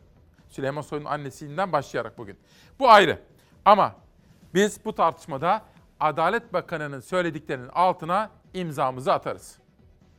Hükümetten iki ayrı bakanın tartışma zemini yaratmaları bu hükümetin Türkiye'yi nasıl yönetemediğinin de açık bir göstergesidir. Adalet Bakanı ile İçişleri Bakanı arasında yaşanan şu tartışma iki şeyi gösterir. Adalete güvenemeyiz, kamu güvenine, düzenine güvenemeyiz. Bir taraf ref- reformcu demek ki bir taraf reform konusunda alerji duyuyor. Bir de onu izleyeceğiz. Adalet ve İçişleri Bakanları arasındaki yargı tartışmasını muhalefet böyle yorumladı. AK Parti yönetimi de girdi polemiğe. Genel Sekreter Yardımcısı Yasin Bölükbaşı da Süleyman Soylu'ya hedef aldı. Bir telefon ötede olan kişilere meramını buradan anlatmaya kalkıyorsan niyetin sorgulanır. İçişleri Bakanı Süleyman Soylu annesine sosyal medya üzerinden hakaret eden kişinin serbest kalmasına tepki gösterdi. Yargıyı eleştirdi. Hukuk herkese lazım. Benim eşime küfredildi. Neredeydi Süleyman Bey? Başak Demirtaş'a. Ne ağır küfürler yapıldı. Sayın Soylu'nun validesine yapılan saygısızlık asla ve asla kabul edilemez. Keşke aynı hassasiyeti Sayın Soylu Genel Başkanımıza Çubuk'ta yapılan linç girişimi noktasında da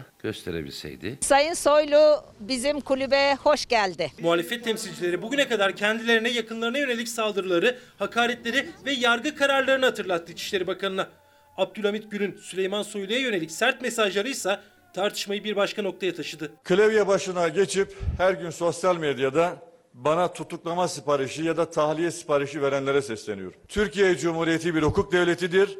Burada kanunlar işler, kurallar işler, usuller işler, işlemeye de devam eder. Bana göre buz gibi kavgadır. Devlette liyakatin bittiğinin, sistemin ucubeliğinin cisimleşmiş halidir. Anıtkabir'den çıkarken iki bakan birbirine omuz atmıştı. Bu da bir bakıma Adalet Bakanı'na omuz atmak gibi bir şey. Yeni Çağ TV'de Orhan Uğuroğlu'na konuşan Ahmet Davutoğlu, İçişleri Bakanı ile Adalet Bakanı arasındaki gerilimi iktidar mücadelesi olarak yorumlarken Fox Haber'in Anıtkabir'de kaydettiği Süleyman Soylu ve Berat Albayrak görüntüsünü hatırlattı. AK Parti Genel Sekreter Yardımcısı Yasin Bölükbaşı da Soylu'ya parti disiplinini Parti disiplini dava disiplinidir. Biz böyle gördük, böyle öğrendik. Süleyman Soylu Adalet Bakanı'na henüz yanıt vermedi. İktidar içindeki yargı tartışmasının nereye gideceği merak ediliyor. Adalet Bakanı Gül, İçişleri Bakanı Soylu'nun annesine o hakareti yapan terbiyesizle ilgili kınıyor ve lanetliyorum dedi. Adalet tabii ki gereğini yapacak. Son dakika olarak verelim. Adalet Bakanı Gül'ün Soylu'nun kıymetli annesine yaptığı o destekle ilgili açıklamada son dakika gelişmesi oldu efendim. Yıldız Sineması Destanı Cafer Hergünsel yazdı. Emirgan'dan bana gönderdi. Kendisine çok teşekkür ediyorum. Görevini yapması gereken, görevini yapmaya çalışan hakimlere, savcılara ne yapılmaz diye bir soru soracağım. Haberi izlerken cevabını siz vereceksiniz.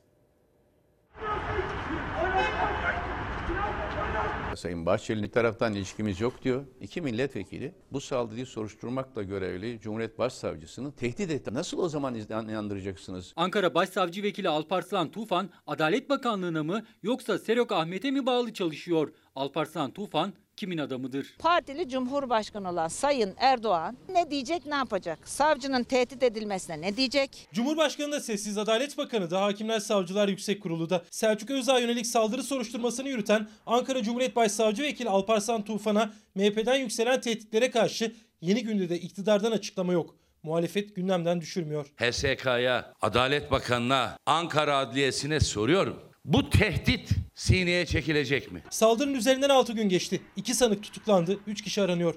Cumhurbaşkanı yine konuşmadı. Selçuk Özdağ saldırı için tepkisel diyen İçişleri Bakanı Süleyman Soylu'yu istifaya davet etti. MHP milletvekili Olcay Kılavuz da Ülke Ocakları yönetiminden isimlerin saldırı soruşturmasını yürüten savcı Alparslan Tufan'a yönelik mesajları hakkında da bir işlem yapılmadı bugüne kadar. Bizim ülkemizde şu anda partili cumhurbaşkanlığı sistemi var. Gelinen noktada bütün oklar Sayın Erdoğan'a dönmek durumunda. Alparslan Tufan neyi amaçlamaktadır? Savcı Tufan'a bizim öncelikli tavsiyemiz hukuka riayet etmesi. Devamında da el aleme erkeklik göstereceğim diye boğulacağı suda kulaç atmamasıdır. Soruşturmayı yürüten Sayın Savcıya da seslenmek istiyorum. Siz tehdit edildiniz. Yargının siyasetin baskısında olduğunu söylediğim için benim hakkımda iki tane fezleke var. Bütün yargı mensuplarına da sesleniyorum. Bu böyle gitmeyecek. Kendi vicdanlarınızla karar verin. Kimseden talimat almayın. Bugün Selçuk Özdağ saldıranlar yarın yargı mensuplarını da hedef alacaklar. Ankara Cumhuriyet Başsavcılığı savcıya tehditlere ilişkin soruşturma başlatmadı.